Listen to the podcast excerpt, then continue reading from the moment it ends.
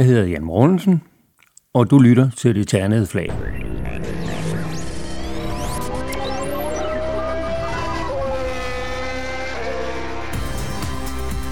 Velkommen til det ternede flag, DASUS podcast om Formel 1 og dansk og international motorsport.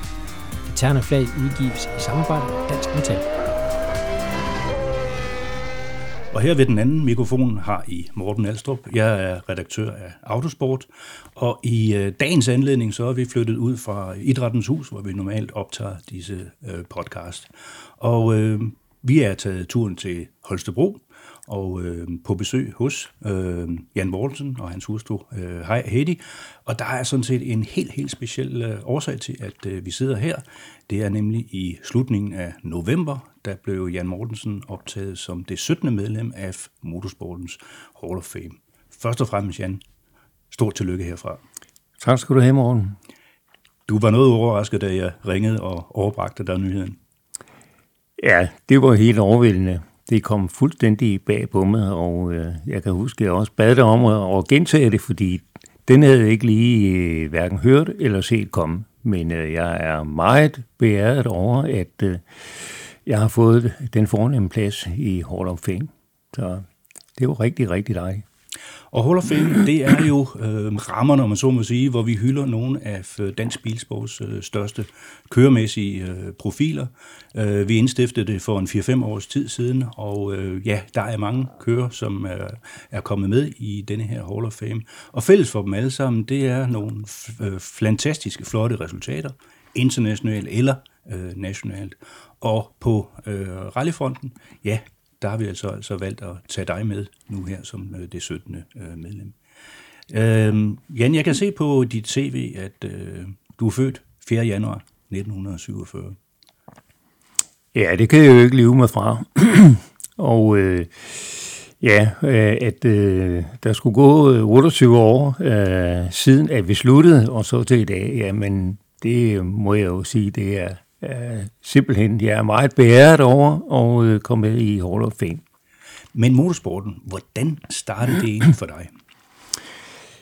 Den startede helt tilbage fra min læretid. Jeg var så heldig at øh, være i lærer i et sted, hvor motorsporten øh, ikke var ny, absolut, men øh, alle de øvrige øh, lærer, øh, hvad hedder det, øh, fyre, som var i lære der, var i samme regi, at øh, det var hurtige biler, og på, på den måde der blev jeg øh, indlemmet i, i den afdeling der. Og hvad var det for en læreplads, helt konkret? Det var på Renault i Stensved, og øh, min øh, mester var Knud Sørensen, øh, far til Johannes Sørensen, som øh, overtog øh, firmaet efter øh, og har haft den i rigtig mange år. Men en fantastisk øh, lærested, hvor man lærte øh, simpelthen øh, stort set alt, hvad der var øh, nødvendigt øh, dengang. Men det var så, hvad skal man sige, håndværkervejen øh, i første omgang. Hvornår blev interessen for motorsport for, sådan for alvor fanget? Hvornår kom du i gang?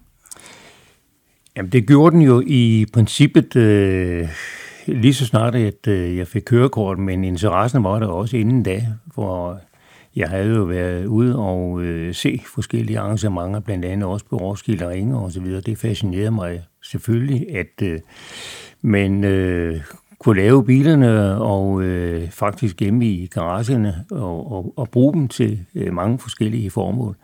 Så det synes jeg også, at det vejen lå jo lige foran mig dernede, og øh, når man har en, en øh, lærermester, som virkelig var øh, suveræn til mange forskellige operationer motormæssigt, øh, jamen så var det jo, så havde min interesse for det jo, den blev vagt der.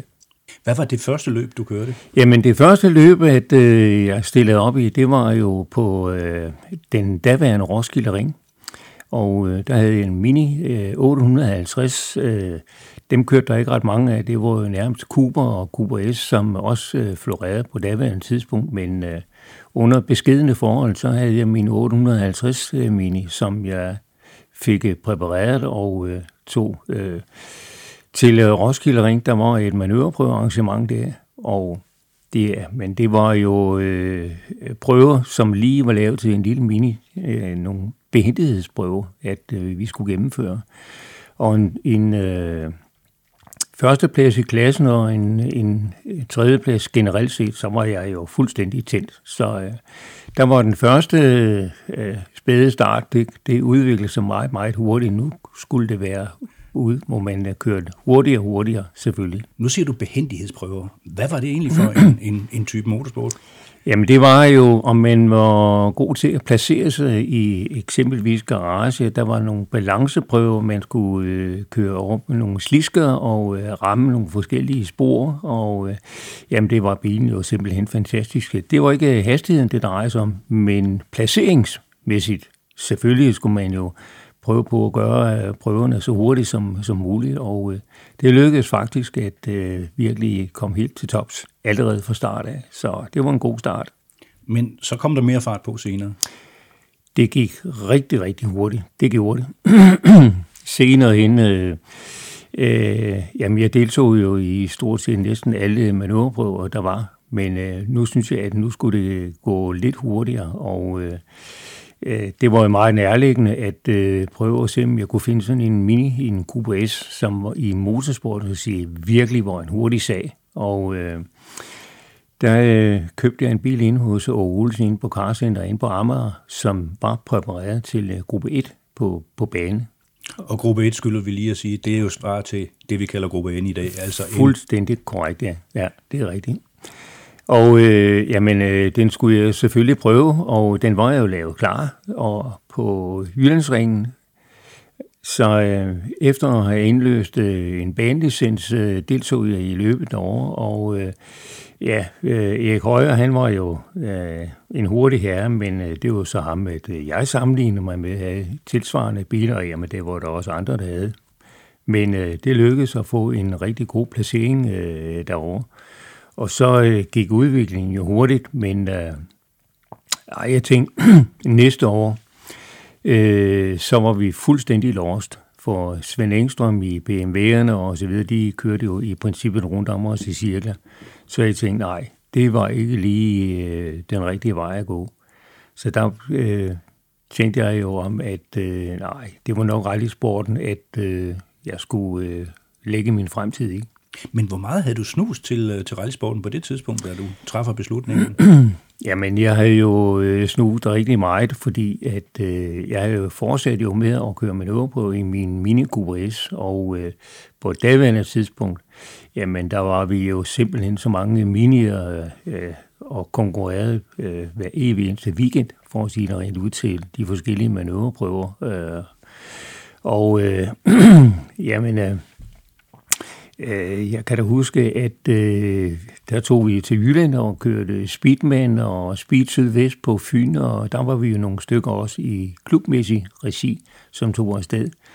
Jeg tror, vi var en, en øh, 3-4 stykker fra Sydsjællands Automobilklub, og så tog vi ud som en lille miniklub og hyggede os øh, samtidig. Og øh, vi var faktisk meget jævnbyrde i nogle øh, vidt forskellige biler, men øh, der fik vi jo god øh, hvad skal man sige, læring og erfaring, trods alt også, ved at tage rundt til de forskellige egne lande og se, hvad kører man i, i de andre. Men med virkelig gode resultater, stort set hver gang, og vi hjalp jo hinanden, så, så det var en rigtig god øh, start på, hvad skal man sige, den ære. Og man øver på på det tidspunkt, var det med en eller to øh, mand i bilen? Det var med en mand, Øh, og øh, så der kom jo også et, et andet, hvad skal man sige, billede ind. Der har man ikke nogen hjælp fra sidemanden med at finde den rigtige vej, men øh, og det var jo selvfølgelig øh, øh hvad skal man sige, på den måde det er, at man skulle øh, være og finde de rigtige linjer og øh, specielt hvor mange omgange man skulle omkring den gejle, om man skulle højre eller venstre om osv.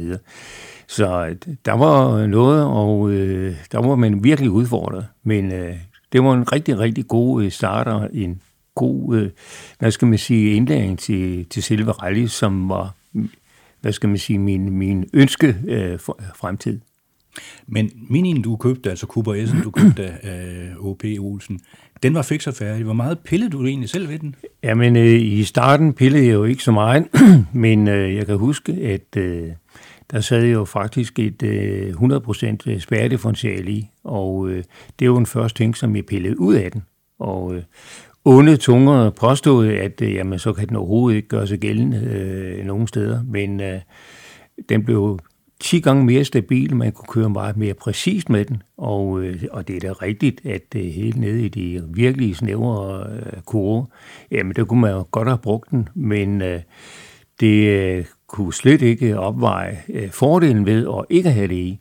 Fordi jeg kan jo også huske, når man kørte, kørte ud på øh, grusprøver, eksempelvis på nogle hurtige, når man havde spærredifferential på, så kørte den jo faktisk øh, ud af ind, fordi friktionen ændrer sig fra den ene side af, øh, af sporet til den anden. Og det blev fuldstændig udlignet, når man pillede den ud.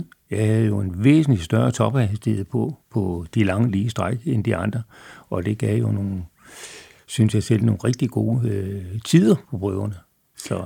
Var det, var det ligesom der, det begyndte, øh, det der med at skrue også øh, selv på bilerne, eller på dine, dine rallybiler? Altså, øh, jeg vil vende om at sige, at øh, i det regi, det, det drejer det sig altid om at have en hurtig motor, og det gør det selvfølgelig også, og så smide en motor. Men i min verden, der er det undervogn og, øh, hvad skal man sige, øh, øh, traction øh, control, øh, øh, vedhæftningen til, til underlaget, som jeg virkelig synes øh, spiller en helt stor rolle. For der kan jo ikke nytte noget, man har øh, øh, rigtig, rigtig mange øh, kræfter i motoren, og så ikke kan overføre dem til, øh, til, til underlaget eller vejen, om man så må sige. Og det her alle dage øh, fra dag 1 været min passion om at lave det, så det blev mest øh, øh befordreligt at, at kunne øh, overføre alle kræfterne hele tiden. Så øh, derfor. Det er vel også i den her periode, at du øh, møder en person med navn O.P. Skov. Det er rigtigt, ja. Øh, og det er jo helt tilbage fra min læretid, at øh, jeg blev jo faktisk overhalet hver eneste dag af Åge Skov. Vi kendte godt hinanden privat, og øh, på et tidspunkt tilbød Åge, at jeg kunne få en kørelejlighed med ham, i med at Øh, jeg kørte på knallert øh, på daværende tidspunkt, og øh, ja, så var banen og vejen jo sådan ligesom lagt, at det ville jeg selvfølgelig gerne, og han var jo en fantastisk øh, fyr også, øh, rent privat, og vi harmonerede øh, rigtig godt sammen. Vores kemi passede sammen, så der havde vi nogle, nogle øh, gode år der. Men øh, senere hen, og i, efter læretiden og så videre, så begynder man jo at, ligesom at kigge lidt efter, hvad, hvad, hvad skal du foretage dig? Men øh, jeg havde jo fast besluttet på, at det skulle være øh, mekanikervejen fremadrettet. Så, øh, og øh, da der blev en, øh, et værksted ledet i Vordingborg i 1970, så snakkede vi meget om, ikke vi kunne få øh, det øh, til at fungere. Åge Skov var jo reservedelsekspedient, og ja, jeg havde jo en, en øh, mekanikeruddannelse, og det fandt vi jo hurtigt ud af, jamen forretningen kunne også passe regnskaber, og så tog jeg mig af det, det øh, øh, mekaniske arbejde på selve værkstedet. Så det var en fantastisk øh, god start, vi havde, og fik hurtigt bygget et øh, firma op, som var velfungerende. Så, så det var rigtig rart. Og firmaet, det øh, hed øh, SM Speed Center, som jeg husker. Det er rigtigt, ja. Skov og Mortensen, ja. Og ja, der var jo lidt øh, fartblandet ind i navnet også, og øh, det synes vi, det kom til at passe øh, øh, meget godt og harmonere også med det arbejde, som vi udførte. I og med, at vi faktisk begge to var også øh, motorsport og deltog også øh, sammen øh, med hver sin øh, bil, når vi kørte manøvreprøver. Det var jo den, hvad skal man sige, spæde start, inden vi gik over senere hen og gik til det rigtige rally. Hvornår kom du så i gang med, med den rigtige rally? Det gjorde jeg i 1973, for de første par år var jo opfattet jeg som nogle indlæringsår, og øh, øh, jamen, øh, det var, der mente jeg, at øh, nu var tiden kommet til at øh, bygge en rigtig velfungerende Mini Cooper S. Jeg havde jo gode øh, indlæring fra alle mulige andre, og vi kunne snakke om de udviklinger og øh, udstyr og, og så videre, at vi havde været især. Der var jo rigtig, rigtig mange minier i, fra 70 og op til 273, men det, det er sådan ligesom øh, æbbet ud, og øh, man traf en beslutning for at Team Austin Mini, som jeg også var med i, at det, det ville man nedlægge, men øh, jeg fik lov til at fortsætte faktisk som ene mand, og øh, måske mest på den baggrund, at øh, nu havde jeg øh, en virkelig øh, mini QS, som jeg mente kunne øh, være konkurrencedygtig og også holdbar.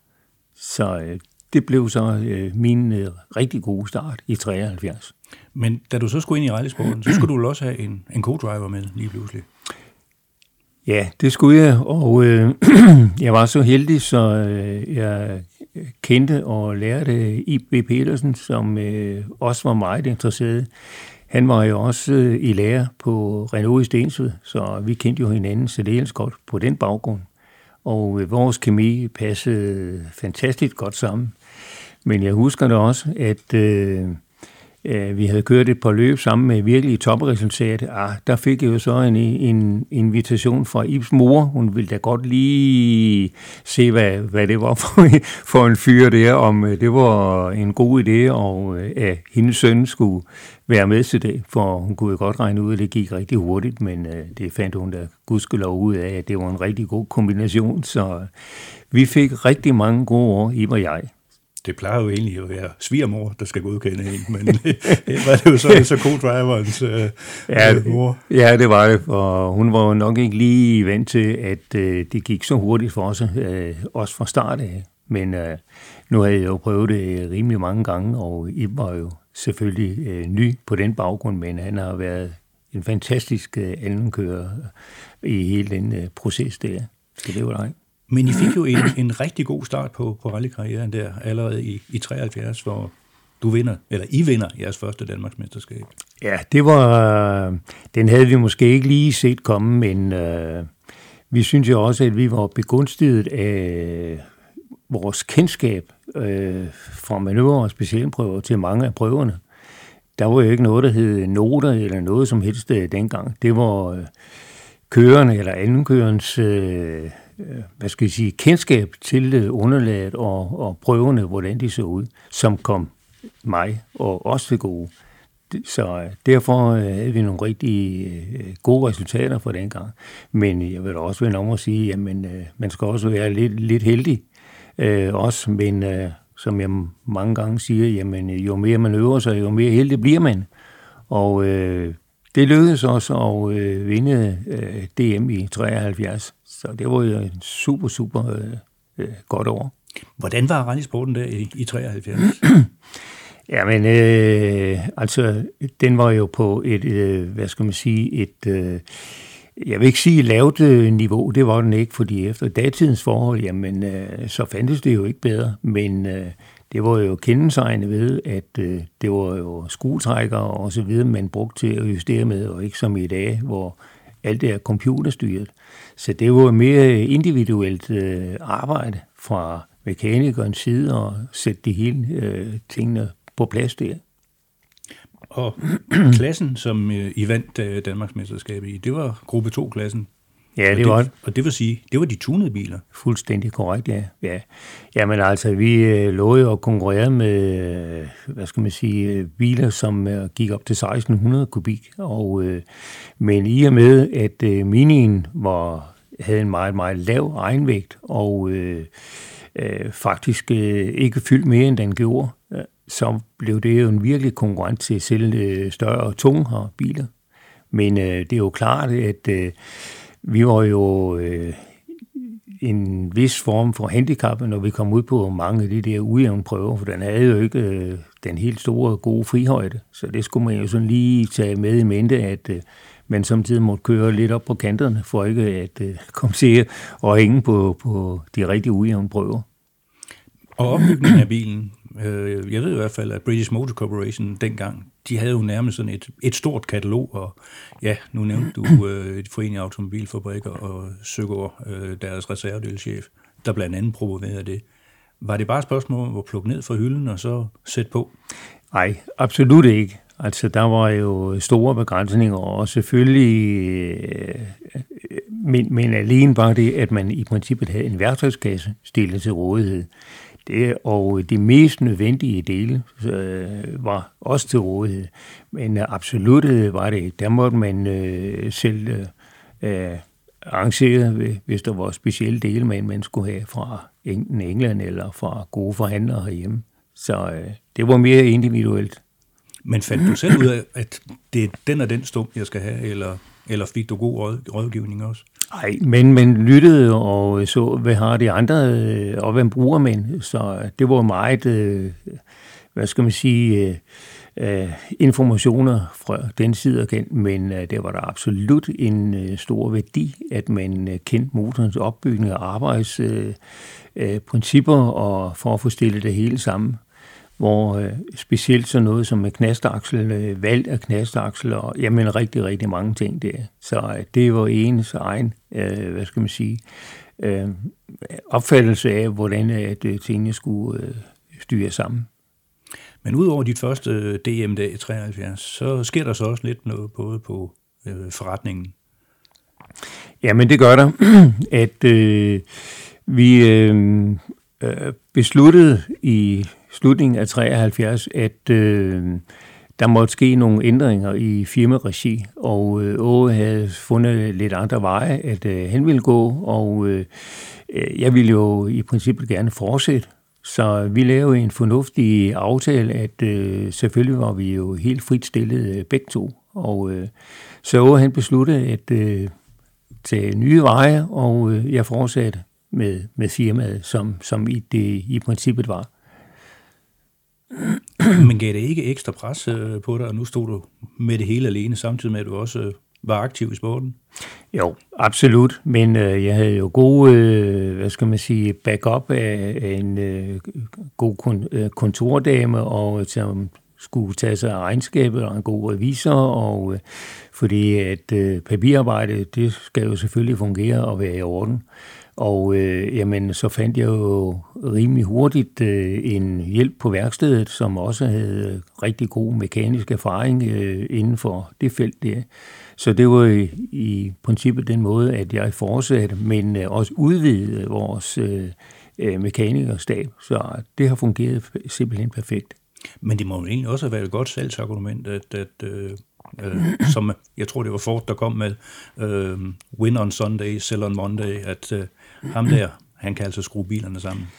Det er jo klart, at øh, når man kunne vise lidt rimelig gode øh, resultater fra start af, jamen, øh, så blev interessen for et øh, godt øh, samarbejde sponsormæssigt, det blev jo også øh, tilvejebragt af den vej. Og øh, jamen, øh, jeg fik jo fantastisk god hjælp fra øh, Domi i, i Glostrup, øh, og øh, og det, Domi skal vi lige sige, at ja, det var øh, den daværende importør af, af Morris. Øh. Ja, og, og, og Rover, øh, der, at, at øh, de en, kunne jeg også se, at min tid, at den var forbi, og øh, har vi andre muligheder øh, bilmæssigt. Så, øh, og jeg kunne jo se, øh, fulgte jo selvfølgelig med i, hvad foregår der i England, og øh, der arbejder man videre på med en ny øh, bil, en øh, Morris Marine med bagølstræk, og i med 1300 øh, kubik øh, motor. Men øh, der var man mere interesseret i fra dansk side, og er det i 1,8 liter versionen.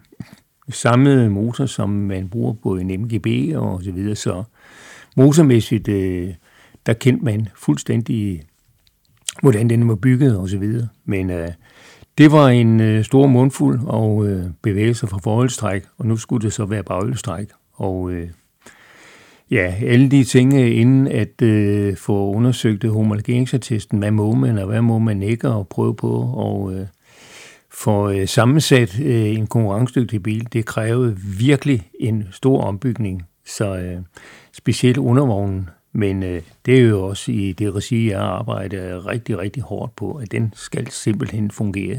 Så øh, det var en stor udfordring, men vi øh, fik øh, lavet en god øh, aftale, at øh, der blev stillet sådan en bil til rådighed, og øh, så skulle jeg selv øh, bygge den op, selvfølgelig med kyndig hjælp fra England.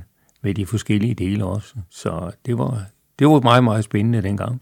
Men hvad var din første tanke, da, da du blev præsenteret for ideen med, med en Morris Marina? Fordi det er jo ikke lige frem, når jeg tænker tilbage på rallybilerne fra 70'erne, så er den jo nok ikke lige på den top 10-liste, jeg vil skrive ned, hvis jeg blev bedt om at, at lave sådan en. Nej, det var nok også lidt af det samme. Jeg selv tænkte, at øh, bilens øh, anvendelse, hvad skal man sige, var jo mest beregnet på at køre ned hen rundstykker ned i, i bagerforretningen dernede. Sådan tror jeg, der var rigtig mange, der anså øh, bilen.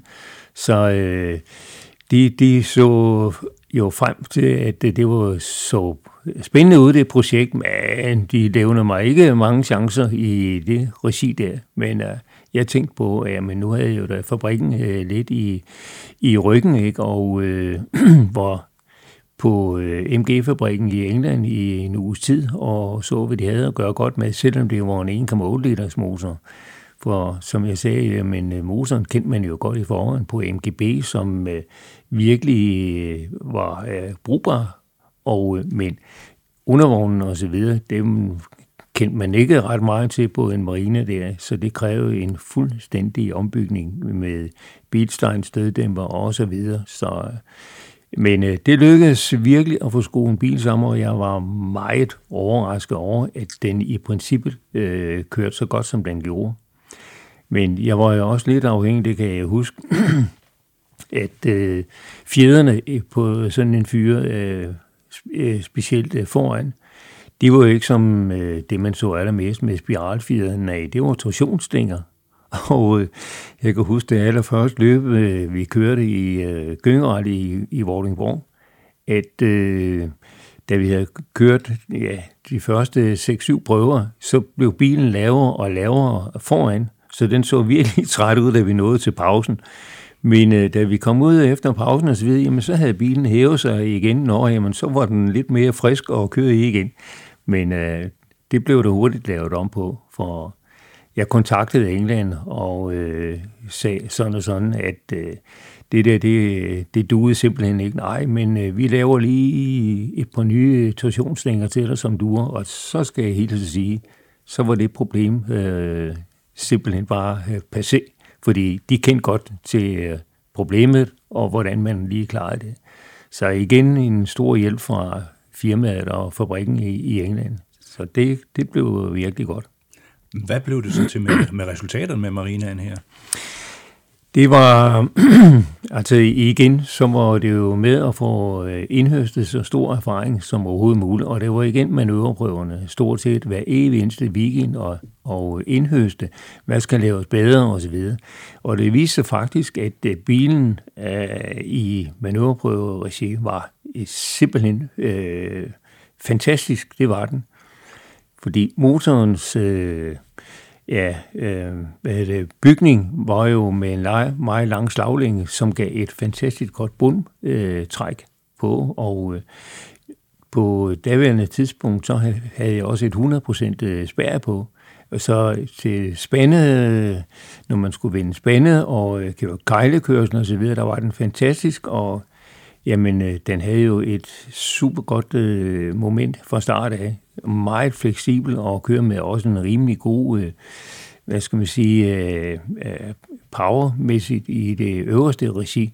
Men den var jo lidt handicappet af den lange slagning, at øh, 6.000 omdrejninger, ja, så skulle man nok ikke byde den ret meget mere, men så kræves det selvfølgelig, at man lavede gearing, så den kom til at passe efter danske forhold. Så, men det var en suveræn øh, god bil, og undervognen, skal jeg lige hilse at sige, den var simpelthen en stor overraskelse, at øh, den blev så god, så, som den gjorde. Men øh, igen, det var England, der øh, var, hvad skal man sige, den, den store erfaringsmester inden for det felt der. Så det var kanon. Hvad fik du? Fik du et øh, DM med den også, eller? Æ, tæt på, nej. Det gjorde jeg desværre ikke. Fordi at øh, en, ja, en anden plads i det første år, ja, men øh, det var rimelig tæt på, og jeg vidste også, hvad bilen øh, var god til, men den havde jo så også sine begrænsninger. Og det andet år, vi kørte ud, jamen, der begyndte jo desværre nogle af de øh, problemer at melde sig. Det var jo gearkassen, som øh, knap øh, var dimensioneret til den effekt, som øh, som jeg havde på. Og øh, meget hyppig udskiftning af det, og bagaksler og så videre. Så det blev øh, ikke det år, som øh, jeg virkelig havde håbet, og heller ikke, øh, hvad skal man sige, fra øh, øh, Domis side eller Englands side, fordi den kraftige motor, der, den var virkelig øh, øh, ja, simpelthen øh, for kraftig til de øvrige ting, som selvfølgelig skal hænge sammen. Det er jo klart. Så det var egentlig motor, motorvalget, der var forkert. Det var ikke den britiske kvalitet, som jo på det tidspunkt var sådan så småt begyndt at, at halde lidt? Nej, absolut ikke. Men altså i og med, at øh, gearkassen i princippet var standard øh, øh bygge, bygget, og øh, det kunne, vi jo, kunne jeg jo se, at øh, den var lavet til en 1,3 liters motor, og øh, så 1,8 liters motor, den var jo virkelig hård ved transmissionen, selvom jeg øh, forsøgte at passe så godt på den som overhovedet muligt, men øh, altså når det drejer sig om at komme fra punkt A til punkt B på en hurtigst mulig tid, jamen så var man nødt til at bruge materiale, og øh, det øh, holdt desværre ikke i, i længden. Så det var, det var, det var lidt ærgerligt, men øh, den gav da en, en god erfaring også, at øh, tingene de øh, fungerede nu, sådan som de var konstrueret til. Men den endte så med at blive parkeret? Det gjorde det, ja. At, øh, nu var dens øh, ære øh, nok forbi i den udgave, så øh, der kiggede vi jo lidt på, om der var andre muligheder i øh, firmaregi, og øh, men øh, foreslog jo, at øh, Jacques Nellemann, som øh, kørte i en virkelig hurtig Triumph Dolomite sprint, øh, stadigvæk i øh, Domi-regi, at øh, han vandt øh, DM på bane i øh, i 74, og øh, den øh, bil kunne, kunne vi måske godt øh, tænke os at bygge lidt videre på i rally-regi. Så øh, øh, der blev jo strikket et øh, godt samarbejde sammen øh, på den baggrund der, at øh, jeg skulle overtage den Dolomite Sprint, som øh, de havde bygget der. Og det var jo lige pludselig noget helt, helt andet. Øh, meget, meget spændende. og øh, bilen var jo efter datidens forhold øh, bygget som en øh, gruppe 1-bil, altså det vil sige en utunet bil. Men øh, som jeg har sagt før, at øh, fabrikken i England var, har altid været god til at øh, homologere ting, som i motorsportregi skulle fremme dens præstationer, og det var også tilfældet her for øh, den havde en øh, hurtig motor, og øh, jeg kendte jo godt øh, Carsten Bryde, som øh, byggede bilen fra start af til banen. Ja, virkelig fantastisk øh, fint stykke arbejde, han havde lavet. Det skulle jeg jo så bygge videre på, fordi nu skulle den jo så ud i et helt andet øh, ære, og i og med, at det jo øh, på rallyprøverne nu, øh, ujævn og øh, alle de strabasser, som er øh, indgik i det. Så det blev jo en fuldstændig ombygning af undervognen med støddæmper, fjeder og øh, gearkasse, øh, udvekslinger og, og så videre. Men øh, det var en virkelig, virkelig hurtig bil øh, fra start af med 130 hestes øh, motor.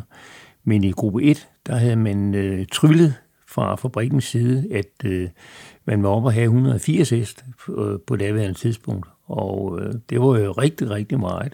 Noget af en forøgelse for en såkaldt ikke, ikke tunet bil, må man sige. Absolut, ja, men fuldstændig anderledes. Og, øh, men så kom der jo en væsentlig ting, øh, som jeg aldrig har haft øh, prøvet at bruge. Det var et øh, overdrej, som øh, I får længelse med selve gearkassen.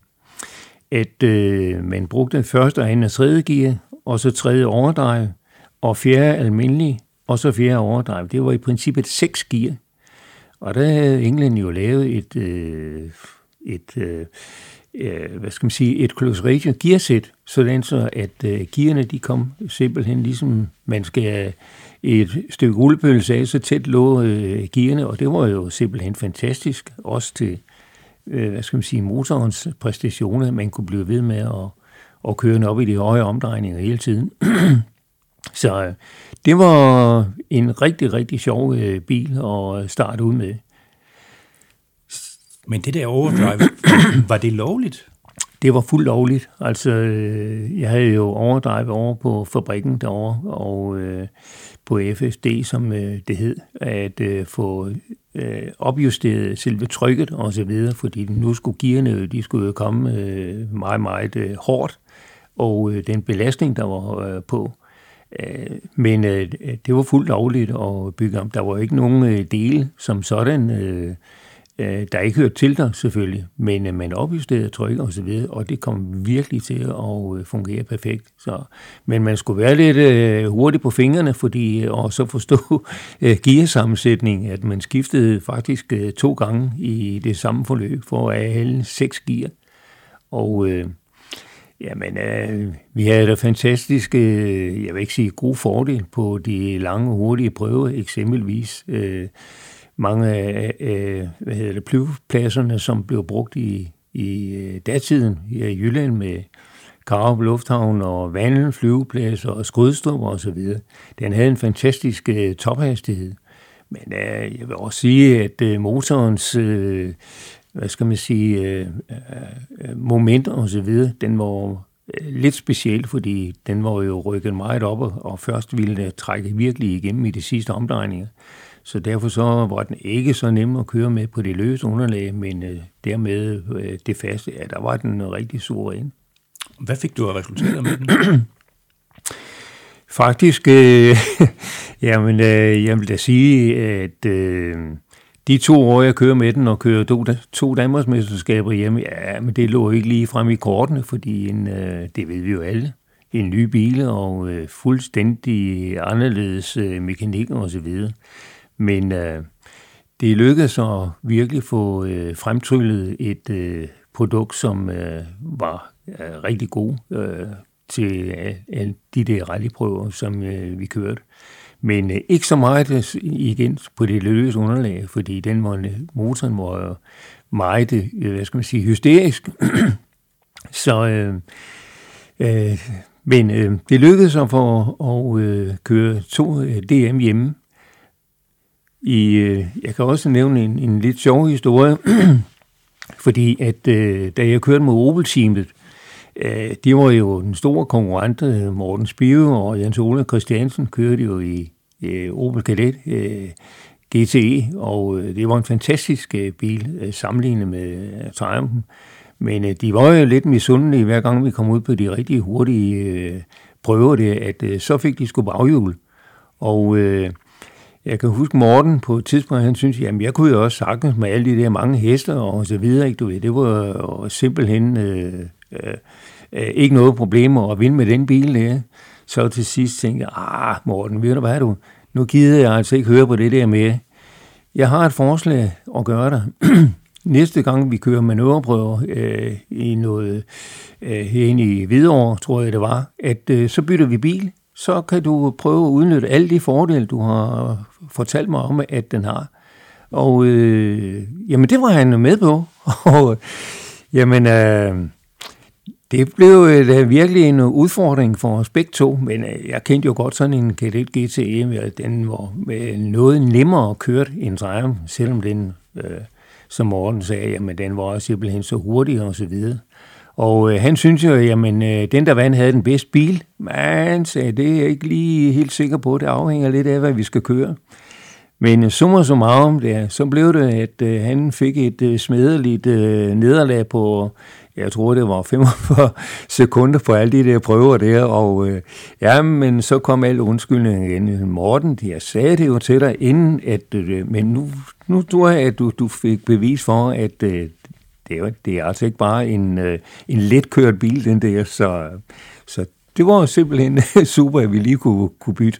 Jeg vil sige, så når man lige lytter lidt til det, det, det lyder lidt som et sats, at du turde sætte ære på spil på ja, den måde. Ja, men altså nu var, kan... du, var du så sikker i din sag?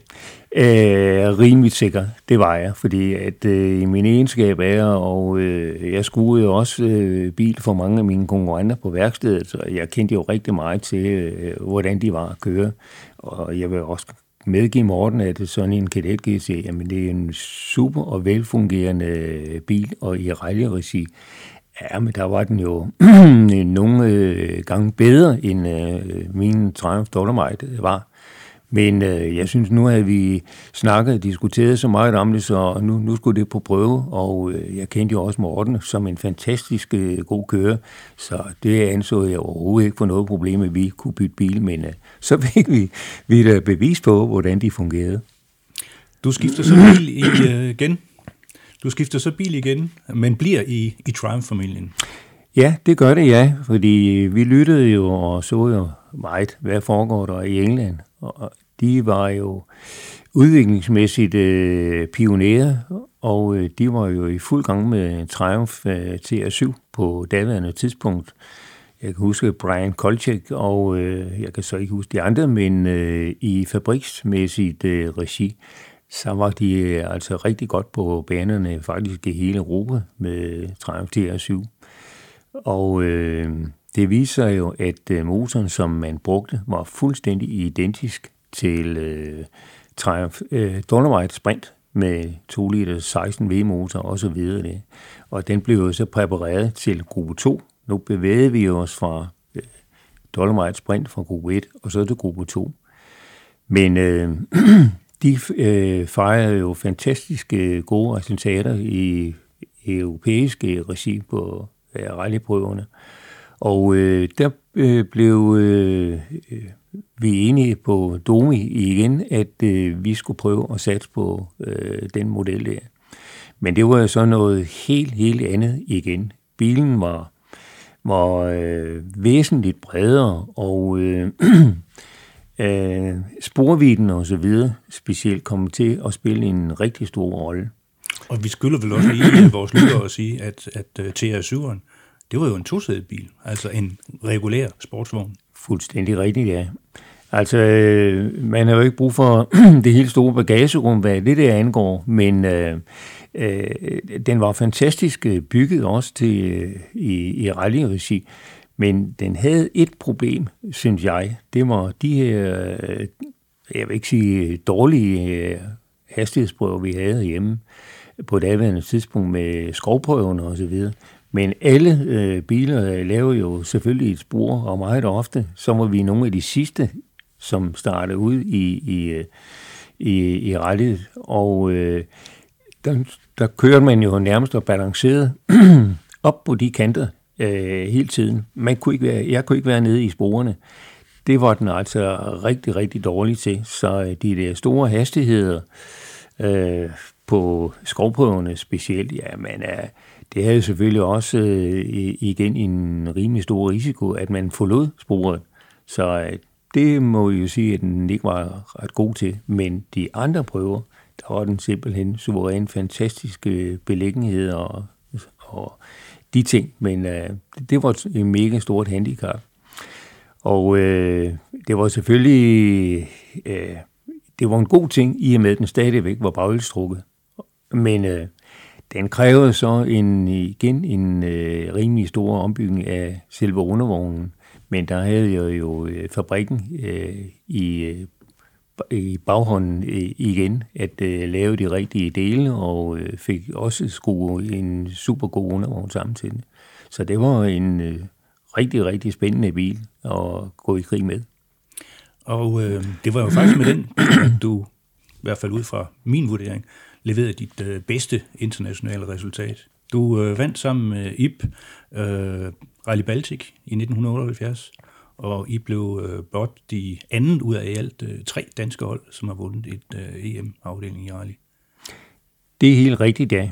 Øh, jeg vil så også vende om at sige, at øh, prøverne, som øh, vi kørte dengang, der var vi jo øh, rimelig godt med, i og med, at øh, der var gode prøver faktisk på hele Sjælland, øh, Skjoldenes Holmeskovene, og øh, som jeg kendte særdeles godt, og øh, en hel del andre prøver. Blandt andet også kom vi i mors baghave, øh, som jeg siger, på Møn, øh, Klinteskoven, at øh, der var der godt nok nogen, der er øjnene op, fordi dem havde de ikke lige set. Det må være en fejltid, vi havde fået det. Men øh, ej, det var det nu ikke helt, for det, Klinteskoven har jeg jo leget i som, som barn, og øh, kendt selvfølgelig hvert et sving og baktop og så videre, så det gav jo virkelig øh, et, et super resultat, og jeg kan huske øh, Ip, hans eneste kommentar, øh, da vi kom i mål på den prøve, det Jan, du er simpelthen ikke rigtig klog, fordi at øh, der blev godt nok lige brugt hele sporet, men øh, det var det helt store smil, der var, for jeg kendte jo simpelthen alt om det. Men der var også noget med, at øh, Ip, da han så skulle læse noterne op, så skulle han egentlig ikke sige ret meget andet end bare højre og venstre nogle enkelte steder. Ja, det er rigtigt. Vi fik jo udleveret en notebog på samtlige prøver. Og øh, jeg sagde til Ip, da vi skulle starte på Glindskov, jamen, øh, du skal ikke bruge noter her. Det eneste, som jeg gerne vil vide, det er, om vi skal til højre, eller vi skal til venstre ned ved Skov for Helgesen. Og når vi møder Djævlebakken, så vil jeg selvfølgelig også gerne lige vide, om vi skal til højre eller venstre. Og resten, det kender jeg som min ejendom. Så, øh, og det er jo derfor, han knyttede kommentaren til, da vi er jo færdige. Men øh, det var en fantastisk prøve.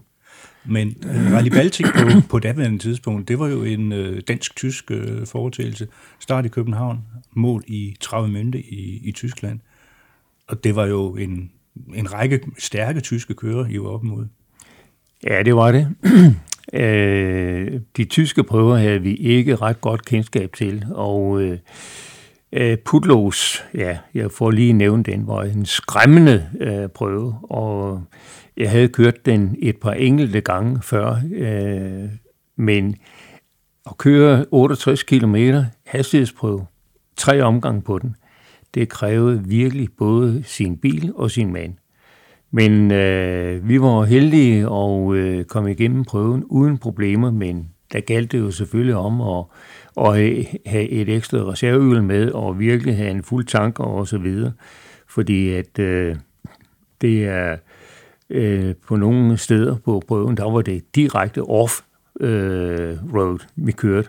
Man kunne faktisk kun se, der var lige lave et lille spor, men så forbandt de øvrige øh, øh, veje dernede. Men øh, alle, øh, hvad skal man sige, veje, øh, beskaffenhed, det var til stede brosten, du, og rigtig øh, grumme øh, sand og, og jord. Det var simpel, simpelthen en prøve, der virkelig stillede store krav til bil og vandskab. Og der gælder det jo selvfølgelig om at øh, ikke bus for hårdt på, men husk, det er 68 kilometer. Det, det, det er altså godt nok langt, og øh, så husk at komme i mål. Så, men der var vi heldige at ikke have nogen problemer, og også kørte en fantastisk god tid derinde, så det gav jo i øh, det samlede billede øh, også rigtig godt stillet. TR7'eren, den fortsætter I så med øh, efterfølgende, men der er noget med, en ny motor kommer i. Ja, altså øh, igen øh, øh, hvor vi jo lidt øh, øh, kiggede, hvad, hvad, hvad gør man i England? Og der blev man enige om, at den der 2 liters motor der, i øh, international øh, øh, sammenhæng, der var den øh, ikke ret hurtig. Så øh, der kørte de jo med øh, en øh, ny øh, version af Triumph TR7, der hed øh, Triumph TR7 V8, og det siger sig selv, at øh, det var Rover-motoren, som var øh, lagt i fra fabrikkens side, at øh, man kunne virkelig købe sådan en bil øh, fra forretningsvinduet af. Og øh, det var en virkelig stor mundfuld. Uh, vi vidste ikke rigtig lige, om, uh, om vi skulle fortsætte med 2 liters motoren, eller vi skulle ryge på den med V8-motor. Men uh, resultatet det blev, at uh, Domi uh, i Glostrup ville gerne have, at vi kørte så tæt på, hvad skal man sige, det internationale uh, rally-biler, uh, som blev uh, lavet i England. Og uh, jamen, uh, Øh, Øh, for at bygge den om til øh, med V8-specifikation, det kræver virkelig sin mand. Og øh, jeg og var jo selvfølgelig stillet i udsigt af alle de nødvendige dele for motorombygningen. Øh, den var absolut til stede, men øh, da først da vi øh, kom til øh, øh, det punkt, hvor nu skulle ombygningen foregå, som øh, fik jeg faktisk kun øh, 25 procent af de dele, som jeg skulle have. Men øh, det lykkedes så at skaffe øh, de øvrige dele, men ikke så vi blev klar til det første øh, rally, øh, desværre. Og øh, den, jamen, den skulle bygges om med tørsumsmøring, og jeg ved ikke hvad, men stadigvæk efter fabrikkens øh, forskrifter. Så øh, det var et kæmpe stort arbejde at bygge den om. Men øh, det lykkedes også, øh, da den som var færdig, og, øh, ja, og alle de problemer, som vi nu havde i, i øh, selve opstarten, øh, dem fik vi jo til dels øh, lavet hen ad vejen, men øh, det var ikke bare lige at øh, øh, starte op og så køre der ud af. Så, øh, men øh, vi kunne hurtigt finde ud af, hvor øh, V8-motoren var den anden fuldstændig overlegen. Det var specielt i drejningsmomenter og specielt på hvad skal man sige, de øh, let øh, krævende baner, jord og grus og så videre, hvor det virkelig kræver noget motorkraft, det var absolut til stede. Så øh, det var virkelig en sjov bil, men også lidt af en udfordring. Så, øh. men vægtfordelingen blev vel, nu var det jo stadigvæk en, en bil med frontmotor, med den der store, forholdsvis store klump, påvirker vel egentlig også, hvordan den opførte sig? Ja, det var en, øh, selvfølgelig en stor udfordring, men øh, motoren var lavet i aluminium, og vægtmæssigt øh, var den faktisk ikke tungere end øh, den gamle 2 liter.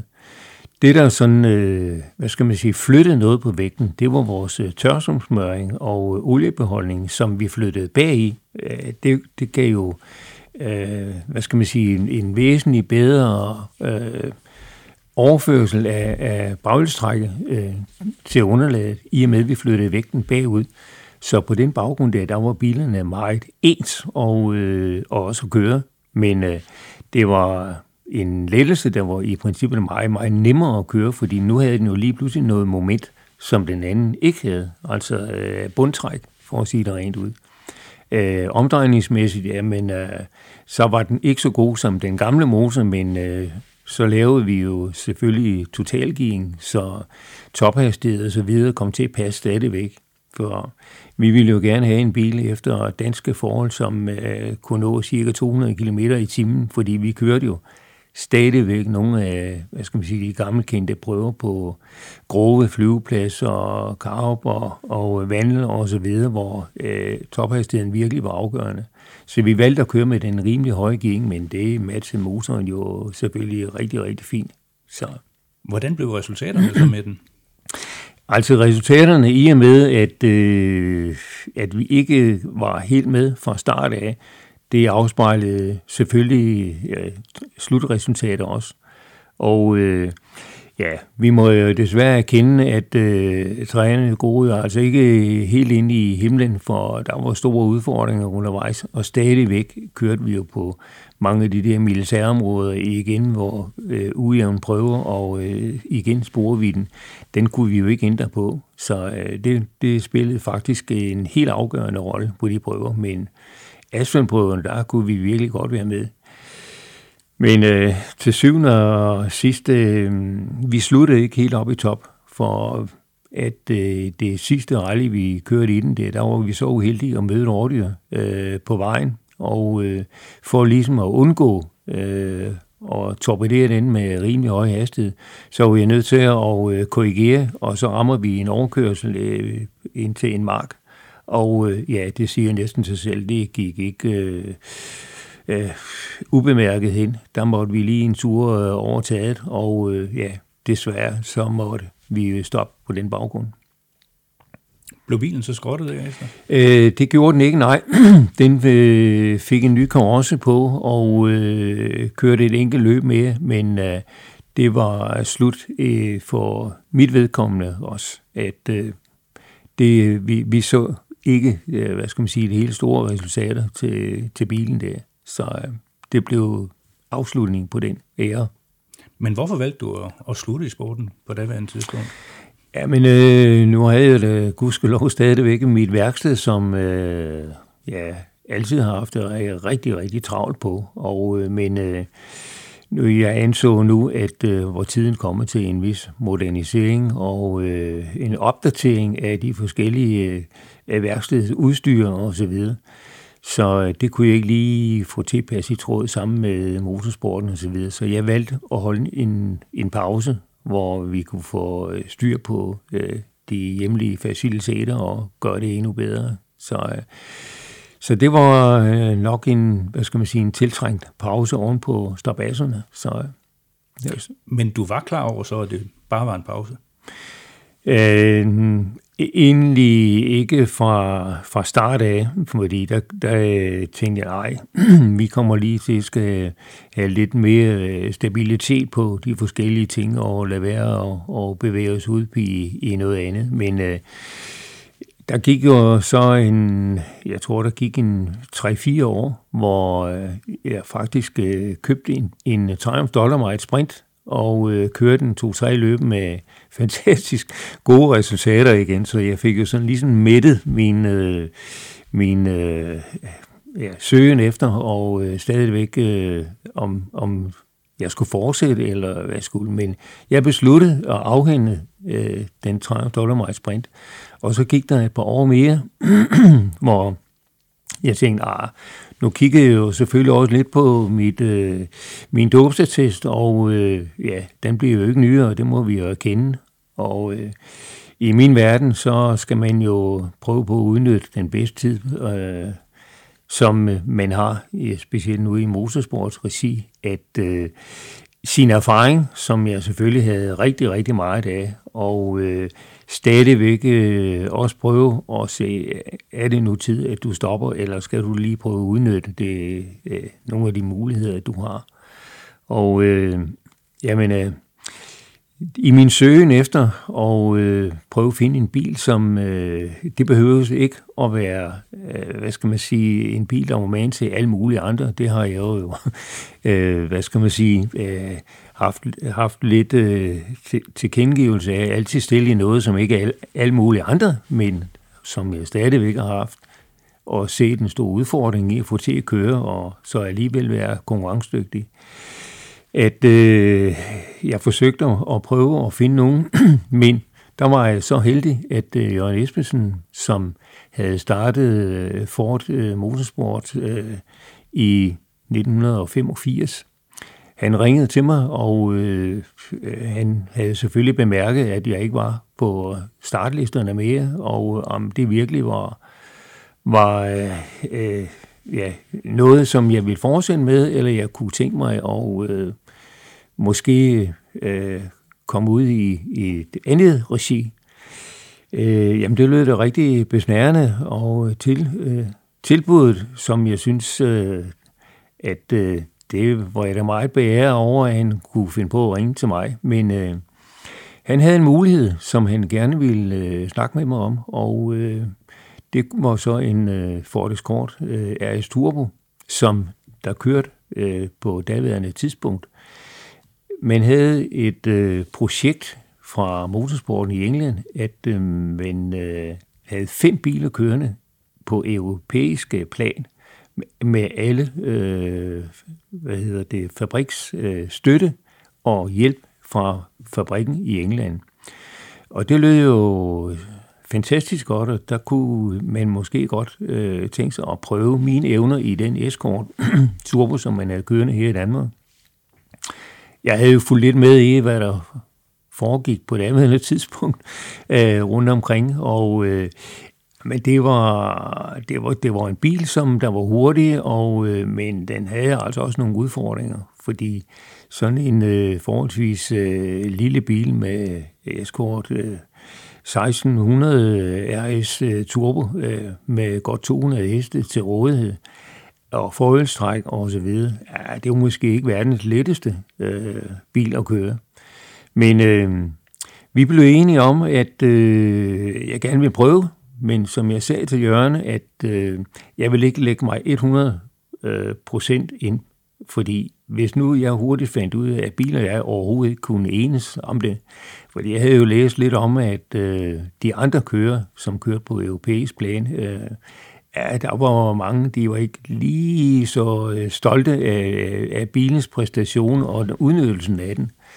Så jeg sagde, jamen, øh, jeg vil gerne, at vi kører to løb, og så tager vi en ny vurdering. Jamen, det er noget, vi skal fortsætte med, øh, eller hvad? Fordi jeg kunne hurtigt regne ud, at øh, når i, i Ford Motorsport-regi, jamen, øh, der ville man jo selvfølgelig gerne stræbe efter virkelige topresultater. det skulle jeg vel lige finde ud af, om jeg stadigvæk var i stand til det, og også bilmæssigt, at, øh, at vi kunne sammen. Var, var bilen helt ny i dansk rallysport? Øh, I princippet ja. Øh, det var den. Øh, den havde kørt en, en, en del øh, løb her, altså samme år, men øh, resultaterne var udeblevet, og øh, fordi der var... Øh, det var ikke den letteste bil at køre, og øh, hvad skal man sige, i og med at man har fem biler og, og styre fra Englands øh, side af, så skal der jo mange gange bruges de samme reservedele. Og, øh, øh, men øh, vi fik øh, fantastisk øh, god hjælp fra fabrikkens side, og øh, Mike Taylor Development, som var øh, hvad skal man sige, på bilen herhjemme, øh, det var en fantastisk øh, god backup, fordi de var virkelig super professionelle. Og øh, jamen, øh, jeg kan huske, at øh, da de kom på mit værksted øh, og skulle præparere bilen, vi skulle køre Rally Baltic øh, med starten nede i Tyskland, de skilte simpelthen bilen ad øh, i atomer, og øh, jeg kunne godt se på klokken og så videre, hvor jeg var inde og sige til Mike, at nu skal du altså huske, øh, det er altså i eftermiddag, eller i morgen eftermiddag kl. 3, at vi får lavet firmaet her for at køre øh, øh, til Tyskland, hvor starten skulle foregå. Jamen, øh, ingen store problem. Øh. Men øh, jeg kunne jo godt se, at næste dag, så gik klokken altså hurtigt, og det endte jo så med til sidst, at man næsten måtte lynpakke alle værktøjer og så videre, men havde fået bilen til at øh, fungere. Men jeg havde ikke været ude køre en meter i den overhovedet. så vi aftalte, at når vi nåede om på den anden side af, af, af hvad hedder det, af vandet øh, i øh, travme, Travmønne dernede, at øh, så ville jeg gerne lige se, hvordan den fungerede. Og så skulle vi så køre til øh, øh, starten, som var øh, øh, helt over på, på den anden side. Men øh, øh, koblingen, den, øh, den fungerede ikke på den overhovedet. Og øh, så det blev jo lidt af en prøvelse igennem Lübeck at få øh, lyskurvene til at passe. Men øh, vi kom der til start, og så byggede de den om, øh, øh, så det hele kom til at fungere. Og øh, det var en mega stor omvæltning, og lige pludselig have så mange hest på så lille en bil, om med faktisk et næsten 100% spærredifferential på osv., den var ikke lige nem at køre, skal jeg hilse at sige. For, men øh, det lykkedes, at øh, vi øh, fik kørt bilen ind med ja, stort set de øvrige ting, og øh, fik en, en, en god placering. Så, øh, så det gav jo en god respons, øh, at øh, vi skulle fortsætte øh, med også det sidste løb, og hvor vi også fik en god, øh, rigtig god placering. Men så kom jo så slut, øh, hvad hedder det, resultatet fra øh, øh, motorsporten i England, at de havde i princippet besluttet, at de ville stoppe med den, fordi de anså ikke bilens øh, præstationer, øh, at de kunne vinde øh, noget med den her øh, fremadrettet. Men øh, nu synes jeg, at øh, jeg havde fundet mig rigtig godt tilpas i bilen, og vi har fået den til at køre faktisk, som vi gerne ville have den til. Var du overrasket over, at den så var så god i forhold til det, du havde læst om den inden? Øh, ja, det var jeg, men øh, jeg kunne jo godt øh, hurtigt regne ud, at øh, med så stor en effekt på, øh, fordi nu snakker vi om øh, virkelig power på, i og med, at det var en turbobil, men i og med, at man næsten låser hjulene sammen øh, på forhjulene og på de løse prøver, der var den en godt nok en stor udfordring at få til at, og, hvad skal man sige, køre lige ud. Men det lykkedes, at øh, vi fik øh, lavet en aftale med Ford øh, Motor Company herhjemme, at øh, vi øh, gerne ville fortsætte i 1986, fordi vi anså stadigvæk bilen efter danske forhold i at være rimelig øh, slagfærdig. Så øh, det fik vi som den eneste bil øh, lov til men stadigvæk med fabriksstøtte fra England af med deres ekspertise og så videre. Så øh, vi har jo haft et fantastisk godt samarbejde med Mike Taylor Development, som i princippet også skulle servicere os fremadrettet. Så det var jo en god backup at få. Hvordan var det lige pludselig for dig som udlært mekaniker? Selv bygge sine biler op? ja, nu skulle du komme med køredragten og hjelmen. Det var jo en vældig stor omvæltning, det må man sige, øh, fra at være fuldstændig amatør på alle stadier, man selv skulle lave det hele. Nu havde jeg simpelthen lige pludselig al den hjælp i baghånden, som jeg skulle have. Det var meget, meget overrumlende, men jeg var i princippet øh, rigtig stolt af, at vi havde et fantastisk øh, godt samarbejde med Mike Taylor og hans folk der også. Så øh, de stod simpelthen parat til at hjælpe os i enhver henseende. Og i og med, at øh, øh de bare øh, kom her ikke, og servicerede bilen, det var jo en fantastisk øh, øh, mulighed også. Så øh, det var jeg øh, rigtig, rigtig glad for. Men var det ikke også lidt svært for dig at holde fingrene og munden i ro over for de mekanikere og teamfolk? Altså, jo, det var det selvfølgelig, men øh, jeg var jo nødt til, og øh, hvad skal man sige, motormæssigt og så videre, øh, var jeg jo i stand til at udrette øh, rigtig, rigtig mange ting, og øh, havde også værktøj, tester og så videre til det, og havde en fantastisk øh, samarbejde på den baggrund. Men øh, i det store regi med undervogn og alt muligt, så kom øh, de og øh, servicerede bilen, øh, som det virkelig skulle foregå. Så der lærte jeg jo også øh, rigtig, rigtig meget, øh, det, hvordan de greb tingene an, og der blev jo ført logbog i princippet med alt. Det gjorde det også for dag i dag, fordi de skulle jo igen stå til regnskab for, for motorsport i England, hvilke dele der nu øh, er kommet til udviklingsmæssigt, at øh, men blev serviceret øh, på den baggrund. Hvordan blev det så med resultaterne i? Ja, det blev så til en fuld sæson derefter. Jamen, det, det blev øh, faktisk, at øh, vi vinder DM i 86 øh, på daværende tidspunkt. Der var jo en rigtig stor kamp øh, igen med Opel, som øh, var betjent af Jørgen Nielsen og så videre, som var en fremragende kører stadigvæk. Så vi kørte nogle hæftige øh, øh, dueller øh, rundt omkring, men det lykkedes og sluttede helt til tops i bilen. Og så var det i princippet øh, slut, men det vidste jeg jo godt, at vi fik et år at køre i, og så var det over and out, fordi så var der igen nye muligheder øh, på banen fra Englands side af. Og hvad var det for nogle muligheder? Ja, man arbejdede jo på øh, en helt anden øh, igen, og det var en øh, Ford Sierra, en Ford Sierra Cosworth. Og øh, nu øh, gik man jo så fra forhjulstræk til baghjulstræk, og øh, en rigtig, rigtig hurtig sag. Vi havde jo øh, ved, stadigvæk ved Jørgen Espensen øh, øh præstation herhjemme jo fuld styr på, øh, øh, hvad skal man sige, udvikling og deltagelse med biler og så videre. Virkelig fremsynethed, og øh, der blev strikket et øh, team sammen på daværende tidspunkt, som bestod af to fortier af Cosworth, en i, i øh, gruppe N, som øh, ja, øh, vi deltog med, og så øh, øh, den kørte øh, John Frederiksen, den skulle han bemande, og øh, vi havde jo en øh, kørende stadigvæk øh, i Ford Escort RSI, øh, som øh, Erik Morsing kørte, og så fik vi en øh, Ford Sierra Cosworth, som blev præpareret i gruppe 2 på det tidspunkt. Ah, gruppe A var det så. Ja, det, undskyld, ja, ja, det er gruppe A. Nu skiftede vi lidt fra de gamle klasseinddelinger ja, til gruppe A.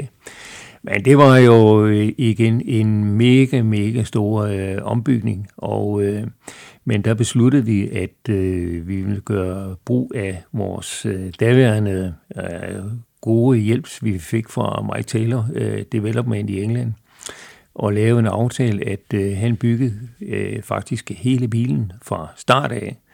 Fordi der var jo i princippet ikke noget af det, som sad i en standardbil, der skulle anvendes. Øh, og de havde jo delene derovre.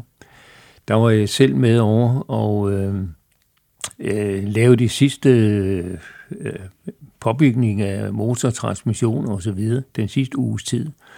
Og øh, Tom Larsen, min servicemand, han var også med over, da det karossen skulle bygges øh, helt fra start af.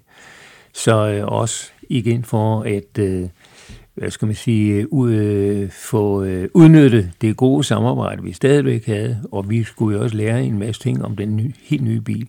Igen, alt blev jo skrevet ned øh, logmæssigt, øh, og der var virkelig øh, styr på tingene. Men altså, igen måtte vi jo øh, hvad skal man sige, øh, lide den tort, at øh, vi var øh, ikke de allerførste, som øh, kunne få øh, de reservedele, som vi eksempelvis skulle bruge. Fordi øh, fabrikken i England havde jo deres øh, professionelle øh, øh rallykører på europæisk planer og så videre, som selvfølgelig stod først i rækken, når de nye konstruerede dele skulle bruges. Så det led vi jo lidt under i starten, at øh, vi ikke fik de allerbedste dele, men øh, sådan var vilkårene, og øh, så måtte vi jo få det bedste ud af det. Så, men øh, de første løb, at øh, vi kørte med den, ja, men øh, det gik faktisk øh, rimeligt okay, men øh, vi fandt jo hurtigt ud af, at selve transmissionen, ja, det var nok, øh, hvad skal man sige, det svage led igen. Fordi nu havde du en virkelig en øh, slagkraftig motor, og øh, ja, øh, og igen, momentet, som var til stede der, det var selve bagtøjet, det var ikke rigtigt øh, bygget til det. Det var jo stadigvæk standardudførelsen standard med noget, man kalder stikaksler. Det er de aksler, der som sidder inde i bagtøjet. Uh, dem led vi altså uh, lidt af i starten, for når først sådan en stikaksel den knækker, jamen så er du i princippet færdig med at køre, for det er ikke noget, du bare lige uh, sætter ind i. Selvom vi havde ekstra med, jamen uh, så sker det jo selvfølgelig altid på en prøve. Og øh, ja, men efterhånden øh, øh, i, i øh, løbende, så øh, tænkte vi nej, nu, nu var det sgu for meget at øh, vi havde jo i, igen øh, de store nitommer bagtøj øh, bestilt på fabrikken i England. Men der var jo desværre øh, på den baggrund også leveringstid. Så, øh, men jeg kan huske, da vi havde knækket fire eller fem af den slag der, så synes jeg, nej, nu er det, føler jeg, at det er lidt spild af tid og ressourcer. Så øh, der måtte vi øh, virkelig øh, lægge pres på fabrikken over. Så vi, vi kan ikke køre mere, før at vi har øh, det rigtige bagtøj på. Og øh, jamen derefter kom de jo så på øh, lidt besværlig vis, men øh, at så fik vi det rigtige bagtøj. Og jeg skal lige hilse og sige, da jeg så størrelsen på det der, så glemte jeg alt om det der. Det vil aldrig øh, blive det samme problem mere. Aldrig. Og det Øh, sådan, sådan blev det, at nu kunne bilen virkelig blive brugt, som vi gerne ønskede, fordi når man selvfølgelig kører en hastighedsprøve, jamen så kører man 100 procent. Så øh, det, øh, det kom virkelig til at virke nu. Hvordan var sådan en, en øh, uh, share Cosworth egentlig som, som rallybil? Det virker lidt som en ja, regulær køremaskine. Ja, men det var det i princippet også, men altså øh, igen, øh, undervognen er det jo helt elementært øh, for mit vedkommende. Ja, det kan jo ikke nytte noget, man har en virkelig en super kraftig og hurtig motor i, øh, og så ikke kan overføre det. Så øh, der gik virkelig, virkelig øh, eksperimenter at øh, øh, få undervogner og så videre til at køre. Men vi lyttede meget til at, øh, at bruge de samme øh, ingredienser, som fabrikken gjorde. Det var jo på daværende tidspunkt øh, Bilstein, øh, som virkelig havde ekspertisen. Men i og med, at man skal have faktisk to øh, forskellige setup, en regnværsundervogn og så en til asfalt, øh, det besværliggjorde det jo øh, en del, at man måtte hen og, hvad skal man sige, modere, inden du øh, kører et øh, rally. Hvad er det for en underovn, vi skal have på i dag? Fordi at øh, øh, alle de øvrige ting, når de spiller, ikke, du ved, og så undervognen ikke passer det til, ja, det siger jo næsten sig selv, at øh, det, det dur ikke. Men øh, vi fik øh, skruet øh, tingene sammen, så det virkelig kom til at harmonere øh, efterhånden. Så, øh, Hvor lang tid gik, gik der egentlig inden, at nu var den ved at være, og nu kom resultaterne? ja, men øh, der, der gik jo et, et godt stykke tid, fordi at øh, igen, så er der en bil, inden man får gjort den 100 procent, og øh, konkurrencen herhjemme var jo også virkelig øh, til stede, selvfølgelig. Vi var jo ikke enige om øh, i i, øh, i den klasse der øh, at være suveræn. Slet, slet ikke, nej. Opel øh, var jo igen øh, meget, meget øh, suverænt godt kørende igen. Så, men det er jo også det, der skal til. Det er jo det er konkurrence i mellem os selvfølgelig. Men vi når frem til 89, så kan du kalde dig Danmarksmester igen igen. Ja, altså, som jeg igen siger, jamen, øh, man skal også have hele med sig, og øh, det kan jo ikke noget, noget, man har en, en mega hurtig bil og så videre, men alting skal jo passe sammen, og øh, selvfølgelig også øh, andenkørens arbejde og så videre øh, kom jo til at spille en større større rolle i og med, at vi øh, måtte jo lave noter på hastighedsprøven, men det måtte alle jo, og øh, inden man lige får øh, kørt alle de, hvad skal man sige, systemer ind, at det kommer til at øh, harmonere, øh, jamen det er virkelig afgørende, at øh, man får de rigtige øh, informationer, når man så kører selve hastighedsprøven. Så Ja, og nu var det jo så ikke længere øh, i B. Petersen, der sad ved siden af dig, men øh, i stedet Finn Mogensen. Ja, øh, der blev jo byttet lidt øh, rundt på vores besætning, øh, og, øh, men øh, jeg var jo så heldig, at øh, øh, Finn øh, trådte til og blev min faste marker, som virkelig øh, havde et godt kendskab og meget erfaren og øh, prøvet øh, simpelthen alt. Og det var da dejligt, at vores kemi øh, passede perfekt sammen. Så øh, både på selve rallypisterne, men også, hvad skal man sige, udenfor. Så øh, vi harmonerede fantastisk øh, godt. Det øh, blev det til, hvad blev det til? Tre Danmarks mesterskaber i bilen? Ja, det gjorde det. og øh, vi brugte jo, hvad skal man sige, øh, alle øh, de muligheder, vi havde for at gøre produktet bedre, og også os selv. Så, øh, men øh, det blev tre virkelig, virkelig øh, spændende år. Og øh, det udmyndter i, at i 92, som vi også vidste, var det, blev det sidste år. Det var så seks år, vi havde kørt i sjæren, men øh, vi vidste jo og kendt øh, indholdet, at øh, den fungerer altså simpelthen rigtig, rigtig godt, og virkelig havde fået øh, skruet en øh, slagkraftig bil sammen.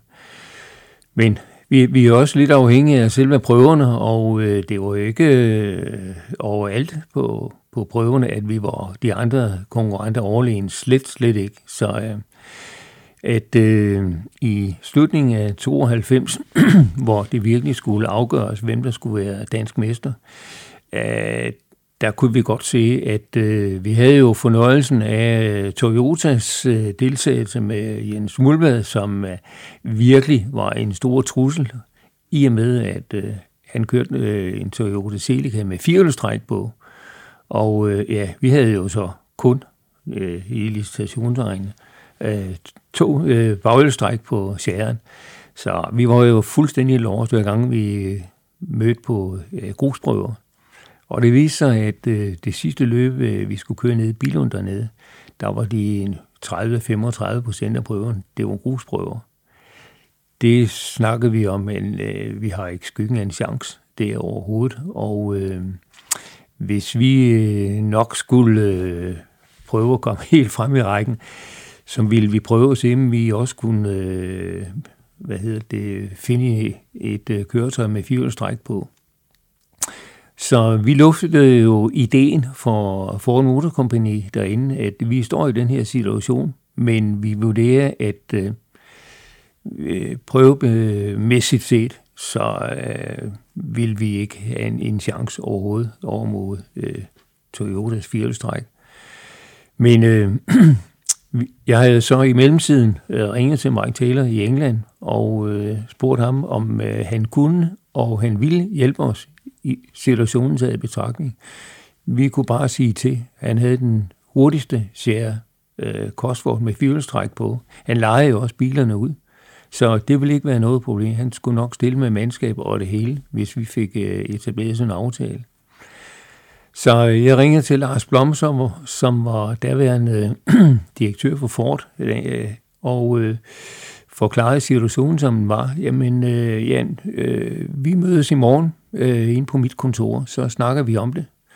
Og jeg må sige, at øh, øh, det tog fem eller seks minutter. Det var simpelthen en fantastisk øh, møde, vi havde. og øh, øh, solgte vores idé, at øh, det kunne vi godt øh, øh, hvad hedder det, få etableret. Og Lars Blom sagde, jamen vi, vi stoler på jer, I er et fantastisk godt team, og øh, I kan godt sige øh, go for det. Og det var simpelthen en super, super fin. Men så gik øh, det jo rigtig hurtigt, for øh, den bil, vi skulle øh, lege over, den må jeg bruge udenlandske nummerplader. Men øh, Finn, som øh, var kriminalassistent inden for politiet, og han kendte jo meget om til omgangsregistrering af biler osv. Hvor skulle man søge øh, hen og få øh, lov til at køre en udenlandsk indregistreret bil. Det tog tre dage, så havde vi den øh, tilladelse, at vi gerne måtte. Og Mike Taylor, som øh, skulle øh, komme med bilen og så videre, det aftalte vi, at øh, ham og, og mandskab, og de havde dæk, og de havde simpelthen det hele med, at vi skulle mødes i, i, i Esbjerg øh, den selv samme eftermiddag klokken 3, hvor de ville øh, lande. Men øh, jeg tænkte, ja, hvis nu der kommer problemer på Nordsøen, øh, at de så ikke lige pludselig kom, så vi er jo nødt til at skulle have vores egen serie korsord med. Og den øh, parkerede vi over på Fort i Billund. Ingen af en ugeråd, at, øh, og vi havde jo ikke fortalt nogen overhovedet, at vi havde øh, tænkt os at køre med en anden bil. Så, så det var helt naturligt alt sammen. Og øh, jamen, øh, da klokken var tre, så øh, ankom de planmæssigt til Esbjerg. Vi havde, det havde fint sørget for, og øh, hvad skal man sige, at øh, lege et øh, areal, en øh, prøve derude i Dagbænge, som var sådan en grusprøve, med, der var lidt krævende at køre, fordi ja, jeg ville da gerne lige prøve at sidde i bilen, når vi fik indrettet sæder og så videre, og hvordan kører sådan en krabat på de der prøver. Så øh, det hele blev arrangeret, og øh, fik lov til at køre et, et par ture i den der. Jeg kunne jo godt mærke, at den var fuldstændig anderledes at køre end den gamle Sierra, men øh, ja, ja, alle øh, læring skulle så øh, være klar nu. Og om aftenen, så øh, var der jo maskinkontrol, og øh, det var sjovt at se de andres ansigter, og specielt Jens Mulvad. Det var ligesom, at han havde fået et køleslag. Hvor kom den der bil nu lige pludselig fra? Og at jeg steg ud af bilen. Og øh, jamen, øh, nummerpladerne holdt der fast. Og øh, så var han jo klar over, at øh, der var inviteret til kamp øh, nu i dag, for enten skulle han vinde, eller også skulle jeg. Og, så, øh, men øh, vi fik jo øh, godkendt biler og så videre, som alt skulle være, og øh, startede selve løbet, og vi måtte jo så erkende, at på, på prøve 1, ja, øh, der forlod vi selve, simpelthen prøven, fordi den drejede ikke lige så godt som min gamle Sierra, så vi måtte lige en tur i botanikken, og ja, det som jeg sagde til Finn, ja, men vi har et firehjulstræk på, så kan vi vel finde tilbage på sporet igen. Så ja, det kostede så en 8-10 sekunder på prøve 1, og øh, så var glæden jo stor på Toyotas side, at øh, vi, de lige havde tævet os, men øh, ja, nu var løbet jo lige startet, så vi skulle så se udfald på prøve 2, og så kom afstraffelsen virkelig, og så forskellen, fordi nu havde vi jo sådan fundet lidt ud af, hvordan bilen skulle køres. Men summer summarum, at øh, det endte med, at øh, vi faktisk øh, fik en virkelig komfortabel sejr på over et minut, og øh, Toyota, ja, det var jo øh, en, en slagende øh, bil på, på det tidspunkt der. Og øh, jeg ved ikke, om jeg lige øh, øh tør eller bør nævne det, at øh, PR-mæssigt, så var det jo allerede danske mester, fordi at øh, avisudklipper og så videre stod der jo øh, højt og tydeligt, at de var danske mestre i 92.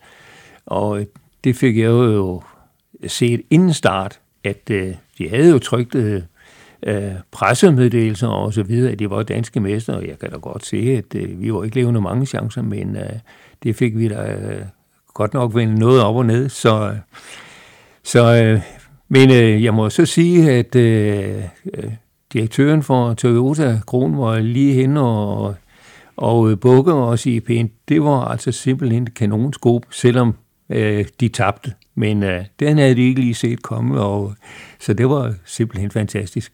Var der altid den der respekt mellem, mellem jer som konkurrenter, de forskellige top-teams, importør-teams? Absolut.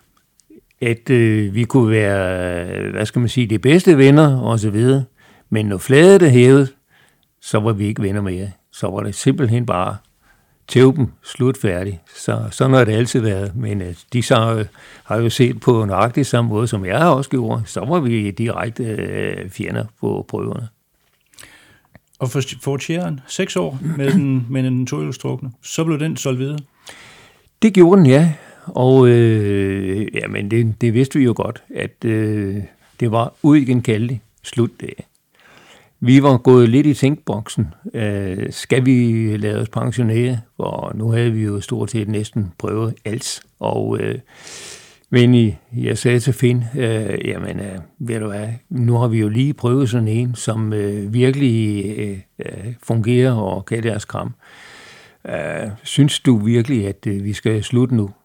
Øh, ej, det synes jeg selvfølgelig ikke, vi skulle. Der, vi arbejdede videre på et øh, projekt med den nye Escort, Cosworth. Og det kunne vi jo se i fabriksregi, at øh, det var den bil, der virkelig blev satset på. Øh, helt ny konstruktion og øh, ja, med alt mulig moderne teknologi. Så øh, vi besluttede, at vi ville prøve at lave et øh, treårigt projekt. Og øh, Øh, vi, øh, vi vil jo gerne, øh, hvad skal man sige, øh, øh, have med vores øh, solide gamle sponsorer at gøre, som har virket virkelig fremragende i enhver henseende tidligere år. Og det lykkedes os virkelig at få genetableret en, øh, nogle nye kontrakter, at vi kører i tre år, men det er jo tre år, det drejer sig om. Så det gav os jo virkelig ro på bagsmækken at øh, få lavet sådan en aftale, og det må vi jo helt så sige, at det var rigtig, rigtig supert. Fordi øh, vi skulle ikke ud og, og søge nye sponsorer og så videre, men øh, vi, øh, fik øh, lavet et øh, super godt øh, samarbejde med vores sponsorer, og øh, fik øh, igen øh, stillet en øh, standardbil øh, til rådighed. Men øh, fra den beslutning blev truffet, og så til der virkelig ske noget, jamen der gik jo et stykke tid, og øh, det kunne vi jo godt se. Men øh, så lavede vi en aftale med Holger Helle, som havde sådan en øh, Escort Cosworth, i, som han brugte til at træne med, at den fik vi øh, stillet til rådighed, og så kunne vi bruge den, fordi jamen, alt skulle jo simpelthen øh, bygges om. Og så når øh, den øh, i princippet rigtige bil kom, jamen den fik øh, Holger Helle så bare overdraget. Så det synes vi var et fantastisk øh, godt bytte tidsmæssigt. For igen, så var alt skruet øh, af, og øh, Tom igen. Jeg er heldig at have de samme servicefolk i faktisk i alle 10 år. Så han tog jo til England over hos Mike Taylor igen, og bilen blev bygget fuldstændig om øh, karossmæssigt øh, derovre. Og så kom den ellers tilbage igen, og så begyndte vi ellers at bygge øh, alting på og lave ledningsnet og, og, og, og det hele. Så, øh, men igen, så fik vi jo øh, stort set alle delene leveret, og også rimelig hurtigt. Men vi kender jo også godt, at lige pludselig så går tiden jo mega, mega hurtigt. Så øh, det allerførste løb, øh, vi skulle deltage i op i Kalundborg, jamen der havde vi jo øh, faktisk overhovedet ikke været ude at prøve bilen, men øh, det fik vi så lejlighed til det op selvfølgelig. Og øh, ja, der var vi, der var vi også øh, heldige at øh, få tingene til at fungere, men øh, vi fandt jo hurtigt ud af, hvad for nogle ting, som ikke fungerede øh, rigtig godt, som vi gerne ville have dem. Men øh, dog nok til, at øh, vores øh, premiereløb øh, vandt vi klassen, og øh, få set i bagspejlet, jamen så var vi jo også lidt velsignet af, at der var andre, der havde større problemer, end vi havde, som desværre ikke gennemførte løbet, og øh, dermed kunne vi jo så starte ud med maksimum point i det første løb. Ja, den havde vi godt nok ikke lige set komme, men øh, det var da en, en god starthjælp at få, selvfølgelig. Og hvordan gik det så altså, i, i den der treårige periode med, med Escort Korsruden? Det blev jo det blev jo i princippet tre, hvad skal man sige, hektiske år. Og øh, da gudskelov øh, var vi jo flere teams, som virkelig øh, lå øh, meget, meget tæt øh, på prøverne. Og det øgede jo spændingsmomentet gevaldigt, ikke kun for os selv, men selvfølgelig også for publikum, at nu blev der altså noget at kigge på. Og vi var jo ikke sikre på, at øh, hvem der øh, vandt i det næste løb. Overhovedet ikke så dominerende var der ingen af os, der var. Men, øh, ja, fordi der var jo også Toyota og Opel var jo også med. De var absolut... Og det var jo vel at mærke importørstøttede ja. teams også. Det var absolut på banen, og øh, det var jo simpelthen fantastisk, at øh, vi var tre hold, som øh, virkelig øh, gik til ståle, og som havde hvad skal man sige, øh, næsten ens biler, øh, alle sammen firehjulstræk og, og i den duer. Så øh, det, vi var virkelig, virkelig øh, ens på, på selve prøverne. Men øh, jeg må vende om og sige, at øh, der var en periode, hvor øh, mens vi stadigvæk havde sjæren, der var jeg ikke lige den hurtigste at komme ud af starthullerne, og øh, det drillede min... øh, servicefolk og mig, at ah, nu og de personer måske nok vi ved at blive lidt øh, for gamle og så videre. men øh, jeg tænkte, ja, men det er nok lidt med at programmere øh, de det øverste hjerneceller lidt, øh, hvordan man griber sagen an. Og der havde jeg jo sat mig som mål, at øh, nu ville jeg altså være den hurtigste på prøve 1. Og det lykkedes faktisk i rigtig, rigtig mange øh, øh, løb øh, fremadrettet. Men øh, jeg skulle så selvfølgelig ikke øh, regne med, jamen nu var løbet øh, vundet. Absolut ikke, nej. Den skal jo have stadigvæk igen af samme øh, skuff på, på de næste prøver. Men øh, jeg har jo øh, alle dage været virkelig privilegeret og have et øh, serviceteam, som virkelig, virkelig var øh, skrabsakker. Og øh, vi, vi, vi har jo øh, simpelthen haft et, et et motto hele, der hedder planlægning og, og, og øh, konkurrencemomentet og, og hvad hedder det, sammenhold. Øh, det var jo tre ting, der virkelig skulle fungere, men det har det gjort for mit øh, vedkommende, at øh, lægge et ansvar ud til de pågældende, som øh, var i teamet, at, øh, som jeg sagde, jeg kommer ikke at kontrollere, om øh, vores plan og så videre nu bliver, øh, vi har lavet en dækplan og så videre.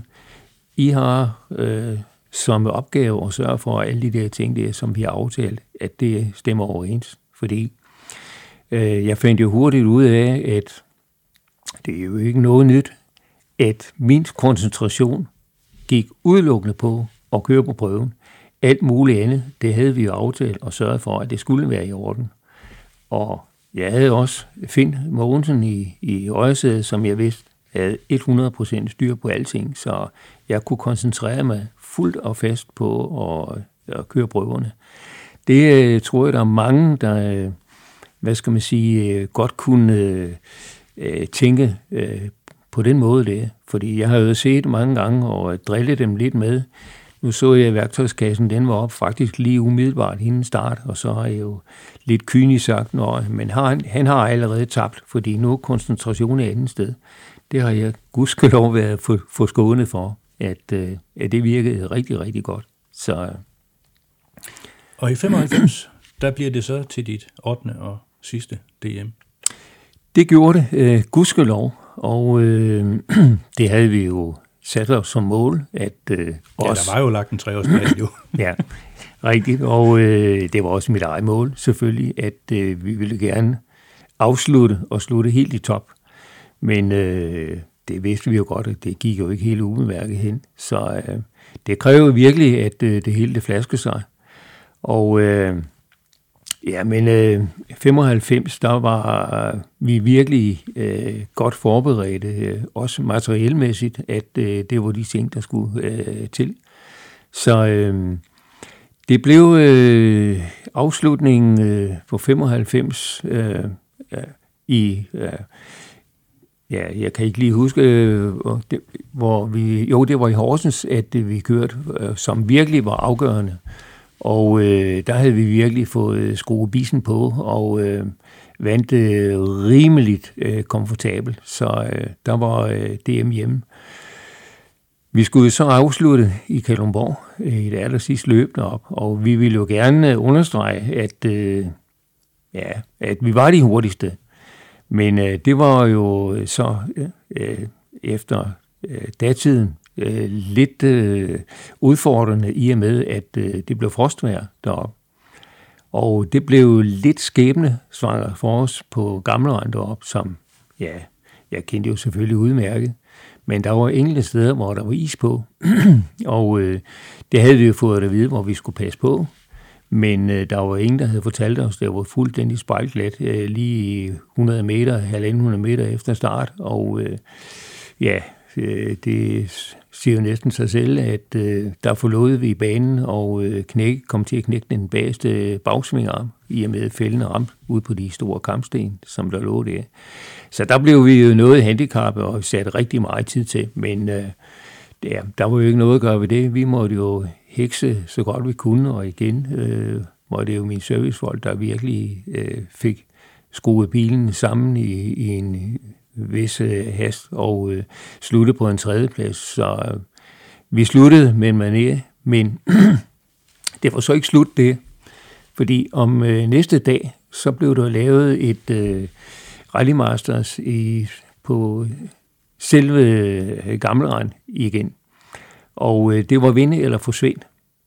Og jeg havde jo sådan håbet, at øh, jeg ville stå øh, allersidst og skulle møde Henrik Lundgaard, fordi det er jo også der, hvad skal man sige, havde ført en intens kamp på samtlige prøver. Og øh, jeg var så heldig også, at det blev øh, øh, øh, afslutningen på det, at vi skulle køre det sidste helt der. Og øh, det øh, trak jeg mig sejrigt ud, og jamen, så var DM jo øh, manifesteret, at det var, som jeg, jeg virkelig ønskede, at slutte allerøverst øh, på podiet. Så vi øh, havde så lavet en aftale med øh, Bjarne Gylling derop, at øh, da det var vores sidste løb i øh, rallyregi, at vi ville øh, øh, øh, hvad hedder det, lave en sammenkomst for vores sponsorer og øh, ja, øh, til, tilhører og, og så videre. Og det blev et tilløbsstykke uden lige, som vi overhovedet slet ikke havde drømt om. Men øh, en fantastisk øh, afslutning på det hele, og øh, jeg må så lige nævne en ting, som jeg blev rigtig, rigtig stolt af. Det var, at C.C. Hansen, som var præsident på daværende tidspunkt, overrakte mig øh, guldnålen øh, i øh, rallyregi.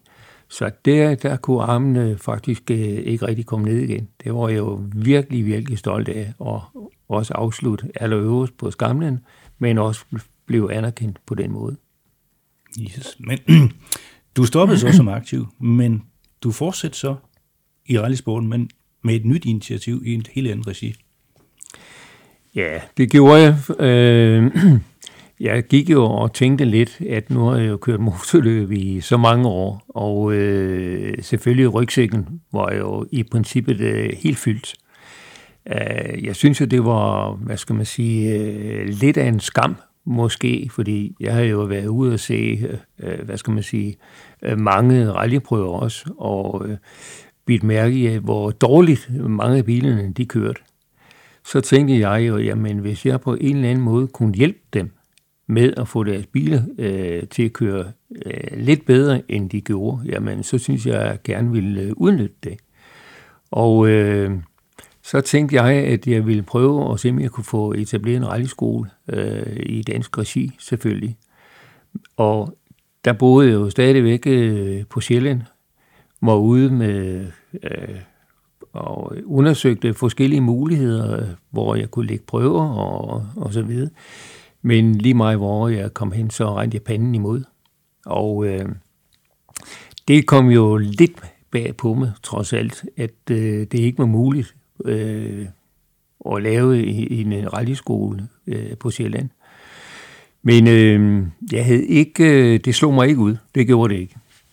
Jeg brugte et år, og så tænkte jeg, nu laver jeg et drejebogen til en rigtig rallyskole. Så der brugte jeg lidt ferie og så videre, og få simpelthen lave alle de ting, som jeg gerne kunne øh, tænke mig, at jeg ville øh, øh bringe frem på banen.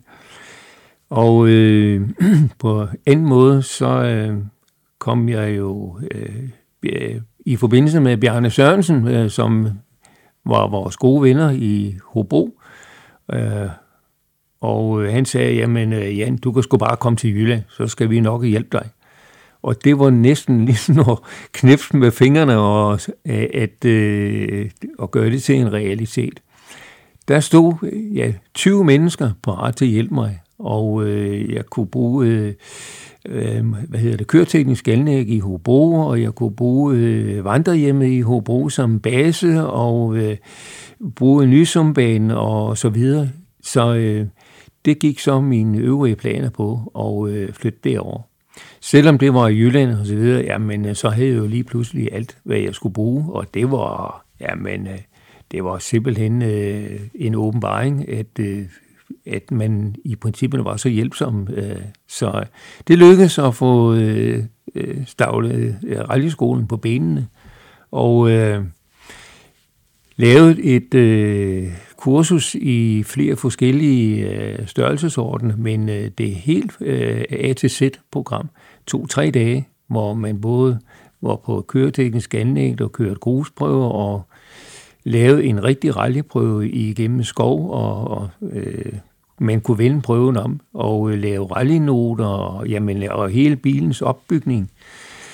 Og øh, jeg tog en snak med Arne Pag, som jeg vidste var virkelig øh, øh, oppe på mærkerne med rallynoter, øh, og hvordan man lavede de forskellige ting øh, relevantsmæssigt osv. Så, videre.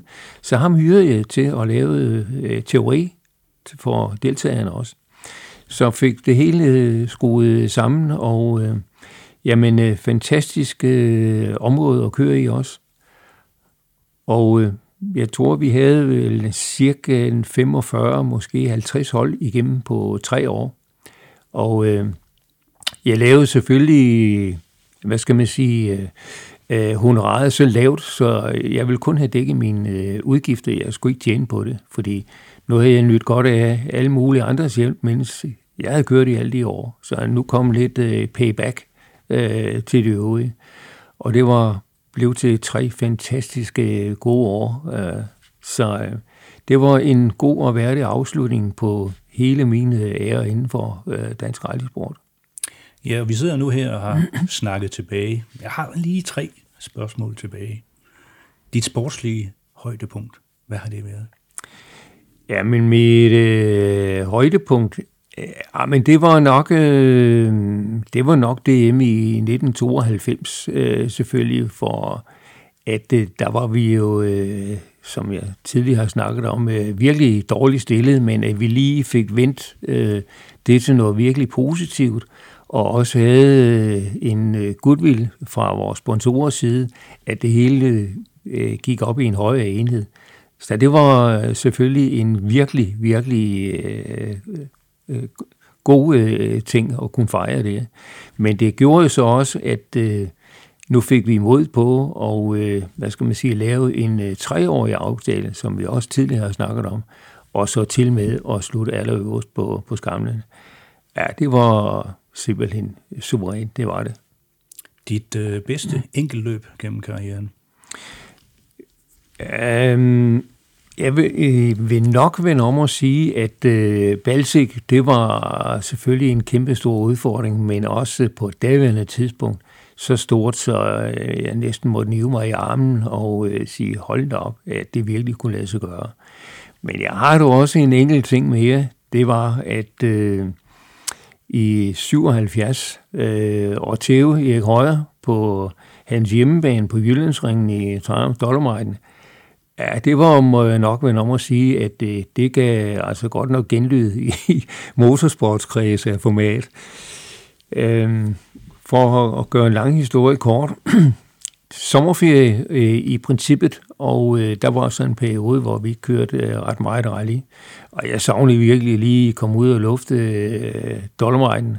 Så så jeg, der var, øh, var Grand Prix øh, på Jyllandsringen, og øh, jeg skulle øh, lige ud og have genopfrisket min øh, banelicens, men jeg tænkte, ej, jeg tager til Jyllandsringen og lige kører det der ene løb derovre. og byggede undervogner og så videre om, som jeg mente øh, kunne køre. Stille op en ganske almindelig civil bil, men øh, og fik da selvfølgelig dækket nummerpladerne af og øh, øh, skulle igennem teknisk kontrol, og det var jo ikke noget problem. men øh, og vi skulle så ud og køre en tidtagning, og øh, ja, men der fik jeg jo faktisk bevis på, at øh, hvor dårligt min bil i princippet øh, kørte på banen i tørvejr. Og jeg tænkte, ja, men øh, ja, en øh, 12. plads i, i øh, tidtagning, ja, det var jo ikke noget at prale af.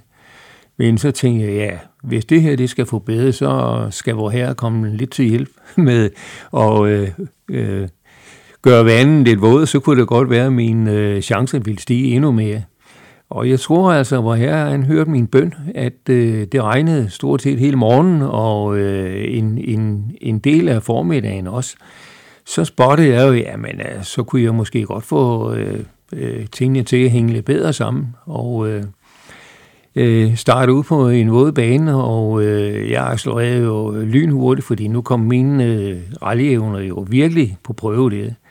Men øh, det var jo ikke med ret mange omgange, at øh, så var jeg jo helt oppe i feltet, og øh, var faktisk op som træer allerede. Og, øh, men der, da jeg skulle forbi øh, Erik Brenner i en kæmpe stor Chevrolet Camaro, jamen, han fyldte jo godt, og han brugte hele banen, specielt i udgangen af kurvene så måtte jeg jo prøve at se, om jeg kunne lave en plan, fordi jeg var væsentligt hurtigere, end han var i svingene. Det kunne jeg jo hurtigt se. Hvor skal jeg angribe ham næste gang? Så det blev så det store sving lige inden langsiden, og øh, der var jeg måske lidt barsk der, og gik over, så krydsede jeg ham midt på, og øh, så lå jeg jo mine drift ud. Jeg kunne godt se, at øh, der ville han altså godt nok øh, få lidt problemer i udgangen af kurven, men allerede inden vi var halvvejs ned ad banen, så var han jo faktisk allerede foran, for den var altså en hurtig øh, øh fyr, den der Chevrolet. Men så tænkte jeg jo, nå ja, men lad os nu se, øh, hvem der har den letteste bil. Så da han bremsede igennem, der kørte jeg 50 meter længere, inden jeg begyndte at bremse, så var jeg allerede foran. Men så var det jo Erik Højre, det galt jo.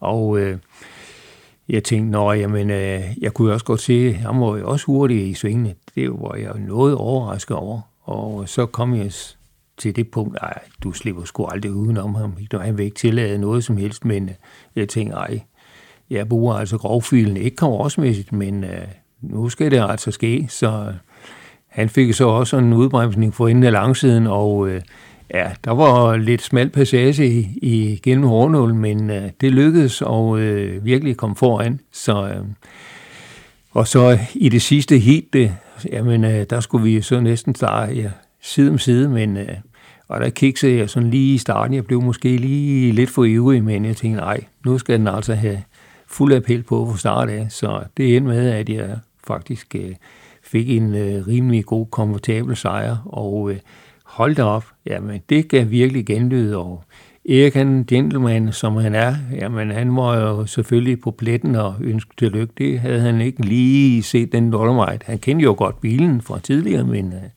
ikke under øh, den der bemanding der. Så det er også en af de øh, øh store resultater, jeg godt kan, kan fremhøre.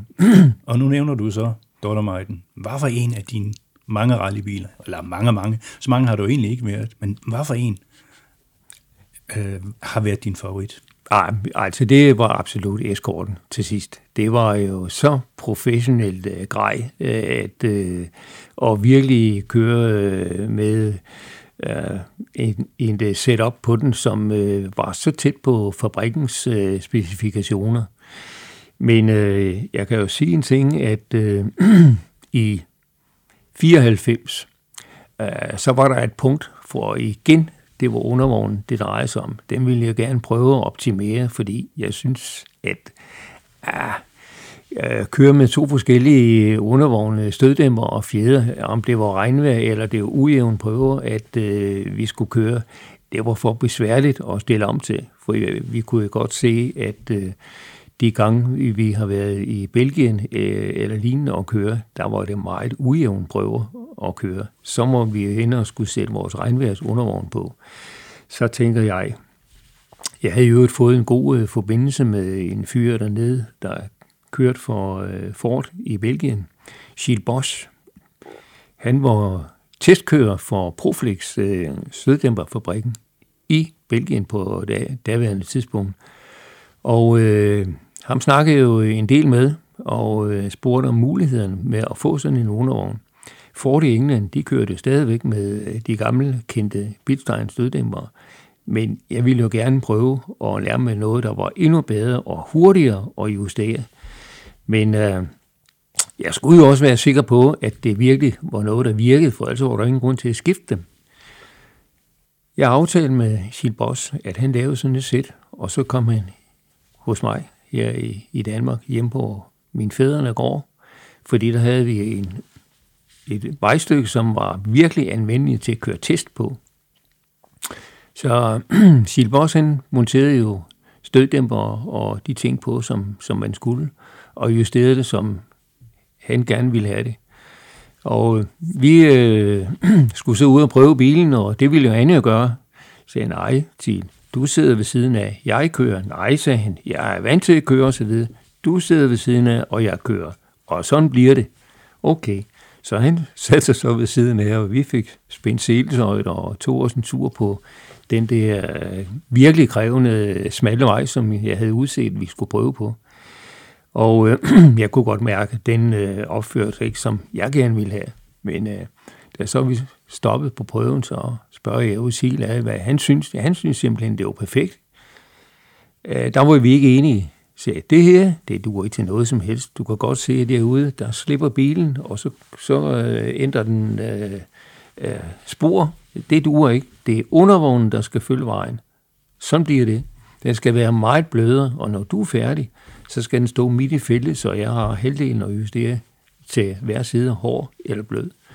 Nå, at adskilt igen og indstille den på ny, og så tog vi en tur med. Og så kørte jeg jo væsentligt hurtigere i de samme kurver. Nå, tænkte jeg, hvad mener du nu, Sil? Ah, han kunne godt se, at der var sket noget. Jamen, øh, synes du, at det jo blev bedre, eller hvad? Ah, det, det sagde jo helt sig selv. Så det endte jo med, at øh, jamen, han ville da nok bruge det ind i samme øh, opstilling på nogle af de biler, han trods alt havde og, og køre på hjemmebanen. Men sagde, i morgen, der har jeg lejet øh, gamleren øh, grusgraven op i Kalundborg. Fordi det er simpelthen den mest krævende og øh, øh, ujævne bane, vi har her i Danmark, som i princippet skal køres med millimeters præcision. Og stenene øh, indgyder jo selvfølgelig en vis respekt, at man bliver på, på vejen. Hvis bilen kan køre der på den bane der og justere sig frem, så er målet noget. Og vi kom jo op næste dag og kørte på prøven, og øh, det lykkedes at få indjusteret den. Den skulle være det og det hårdere og, og så videre. Så øh, han sagde også bagefter, det er godt ikke, det er mig, der skal møde dig under virkelige forhold heroppe, for det kunne han jo godt se, hvor de ville bære hende. Men øh, det var simpelthen fantastisk, absolut. Og siden den tid, så øh, lærte jeg også, hvordan at øh, undervognen skulle justeres. Jeg kunne godt tænke mig, at... Øh, ja, nu hiver du så lige et, et stykke papir frem her, ja. Ja, fordi det er i princippet den dækplan, som øh, jeg har lavet til øh, mine servicefolk, hvordan at undervognen skal justeres, og øh, også hvor jeg har indstillingsmulighederne til støddæmperne, og jeg kan se, øh, hvor høj bilen skal være, og hvordan krængningsstabilisatoren skal indstilles. Det står på planen her. Og øh, jeg ved, at når vi starter på en, en ny øh, prøve, hvor dækkene selvfølgelig også står på listen, så er undervognen justeret, som jeg gerne vil have den, i og med, at vi har trænet på prøven og lave noter på den. Så øh, nogle gange bliver det jo et skønt, men der er, jeg kan jo så se, at jeg har lavet en ændring anden gang på en enkelt prøve, at støddæmmerne skal stå anderledes bagpå. Og det er selvfølgelig for at gøre den mere rolig, og man har øh, god vedhæftning til prøven. Meget detaljeret. Meget, øh, ja, hvad skal man sige, grundigt. Absolut. Og planlagt. Ja. Som jeg igen siger, at øh, vi skal ikke være i tvivl om, hvordan undervogn og de forskellige ting skal, skal indstilles til. Det er de her data der. Så ved jeg jo, at når vi har kørt prøven, er der noget, der skal ændres. Hvordan følte du det? Og så lige lave en lille korrektion på, eksempelvis anden gang, at man kommer til at køre prøven. Det er min mulighed for at, og gøre den bedre og bedre. Fordi øh, man kan også se, at øh, jeg har forskellige dæktyper selvfølgelig.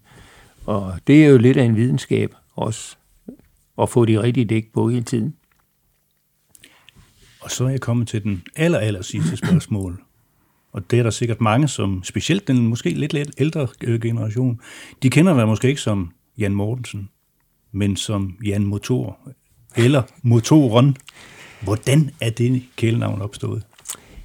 Det er det jo nok for helt i tidernes morgen, at øh, mit værkstedsarbejde og så videre, jeg var meget, meget ofte øh, beskæftiget med at bygge motorer. Jeg har lavet øh, alle mulige former for motorer, øh, selvfølgelig specielt hvad de skal bruges til, fordi der er vidt forskellige øh, ting og ingredienser, som skal bruges.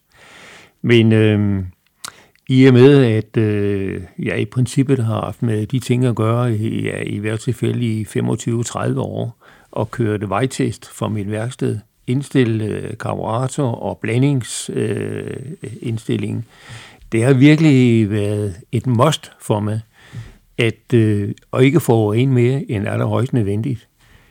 Bilen, motoren, skal have den mængde brændstof, som den øh, skal bruge under alle omstændigheder, og ikke mere.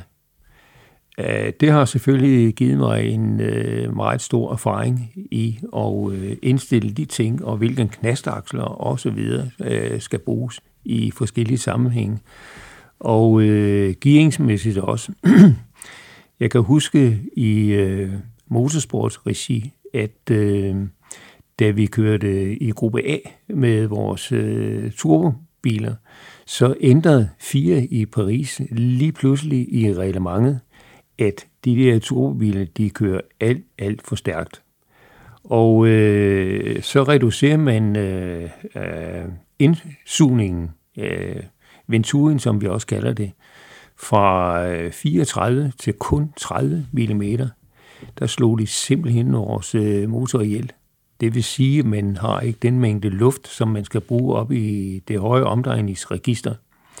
Og øh, så skal man jo køre mere på momentet, og der kan jeg jo huske, at nu bliver bare en lille smule teknisk, at øh, man skulle helst køre et sted mellem 4 og 6.000 omdrejninger for at få luft nok. Over 6.000 omdrejninger, så tabte den øh, rigtig meget øh, luft. Øh, og, øh, men nu er vi jo lige pludselig ens stillet alle sammen, at nu var der ikke den øh, kraft til rådighed. Så jeg måtte jo hen og lave gearingen om på øh, min gearkasse, fordi jeg ville jo stadigvæk have en bil, der kunne køre 200 km i, i toppen, men det kom den så ikke til med det gamle omdrejningstal. Nu måtte vi sænke øh, omdrejningstallet. Og det gjorde selvfølgelig også, at øh, ikke kun momentmæssigt, men også øh, effektmæssigt, der forsvandt jo øh, rimelig meget øh, power, men specielt kun i toppen. Og øh, for at øh, øh være sikker på, at øh, alle øh, overholdt reglementet, så blev øh, en tur eller indsugningen den blev plomberet med tråd, som man skulle vise både den, man kørte med, men også den, man havde som reserve, for at være sikker på, at vi alle sammen kørte reglementeret.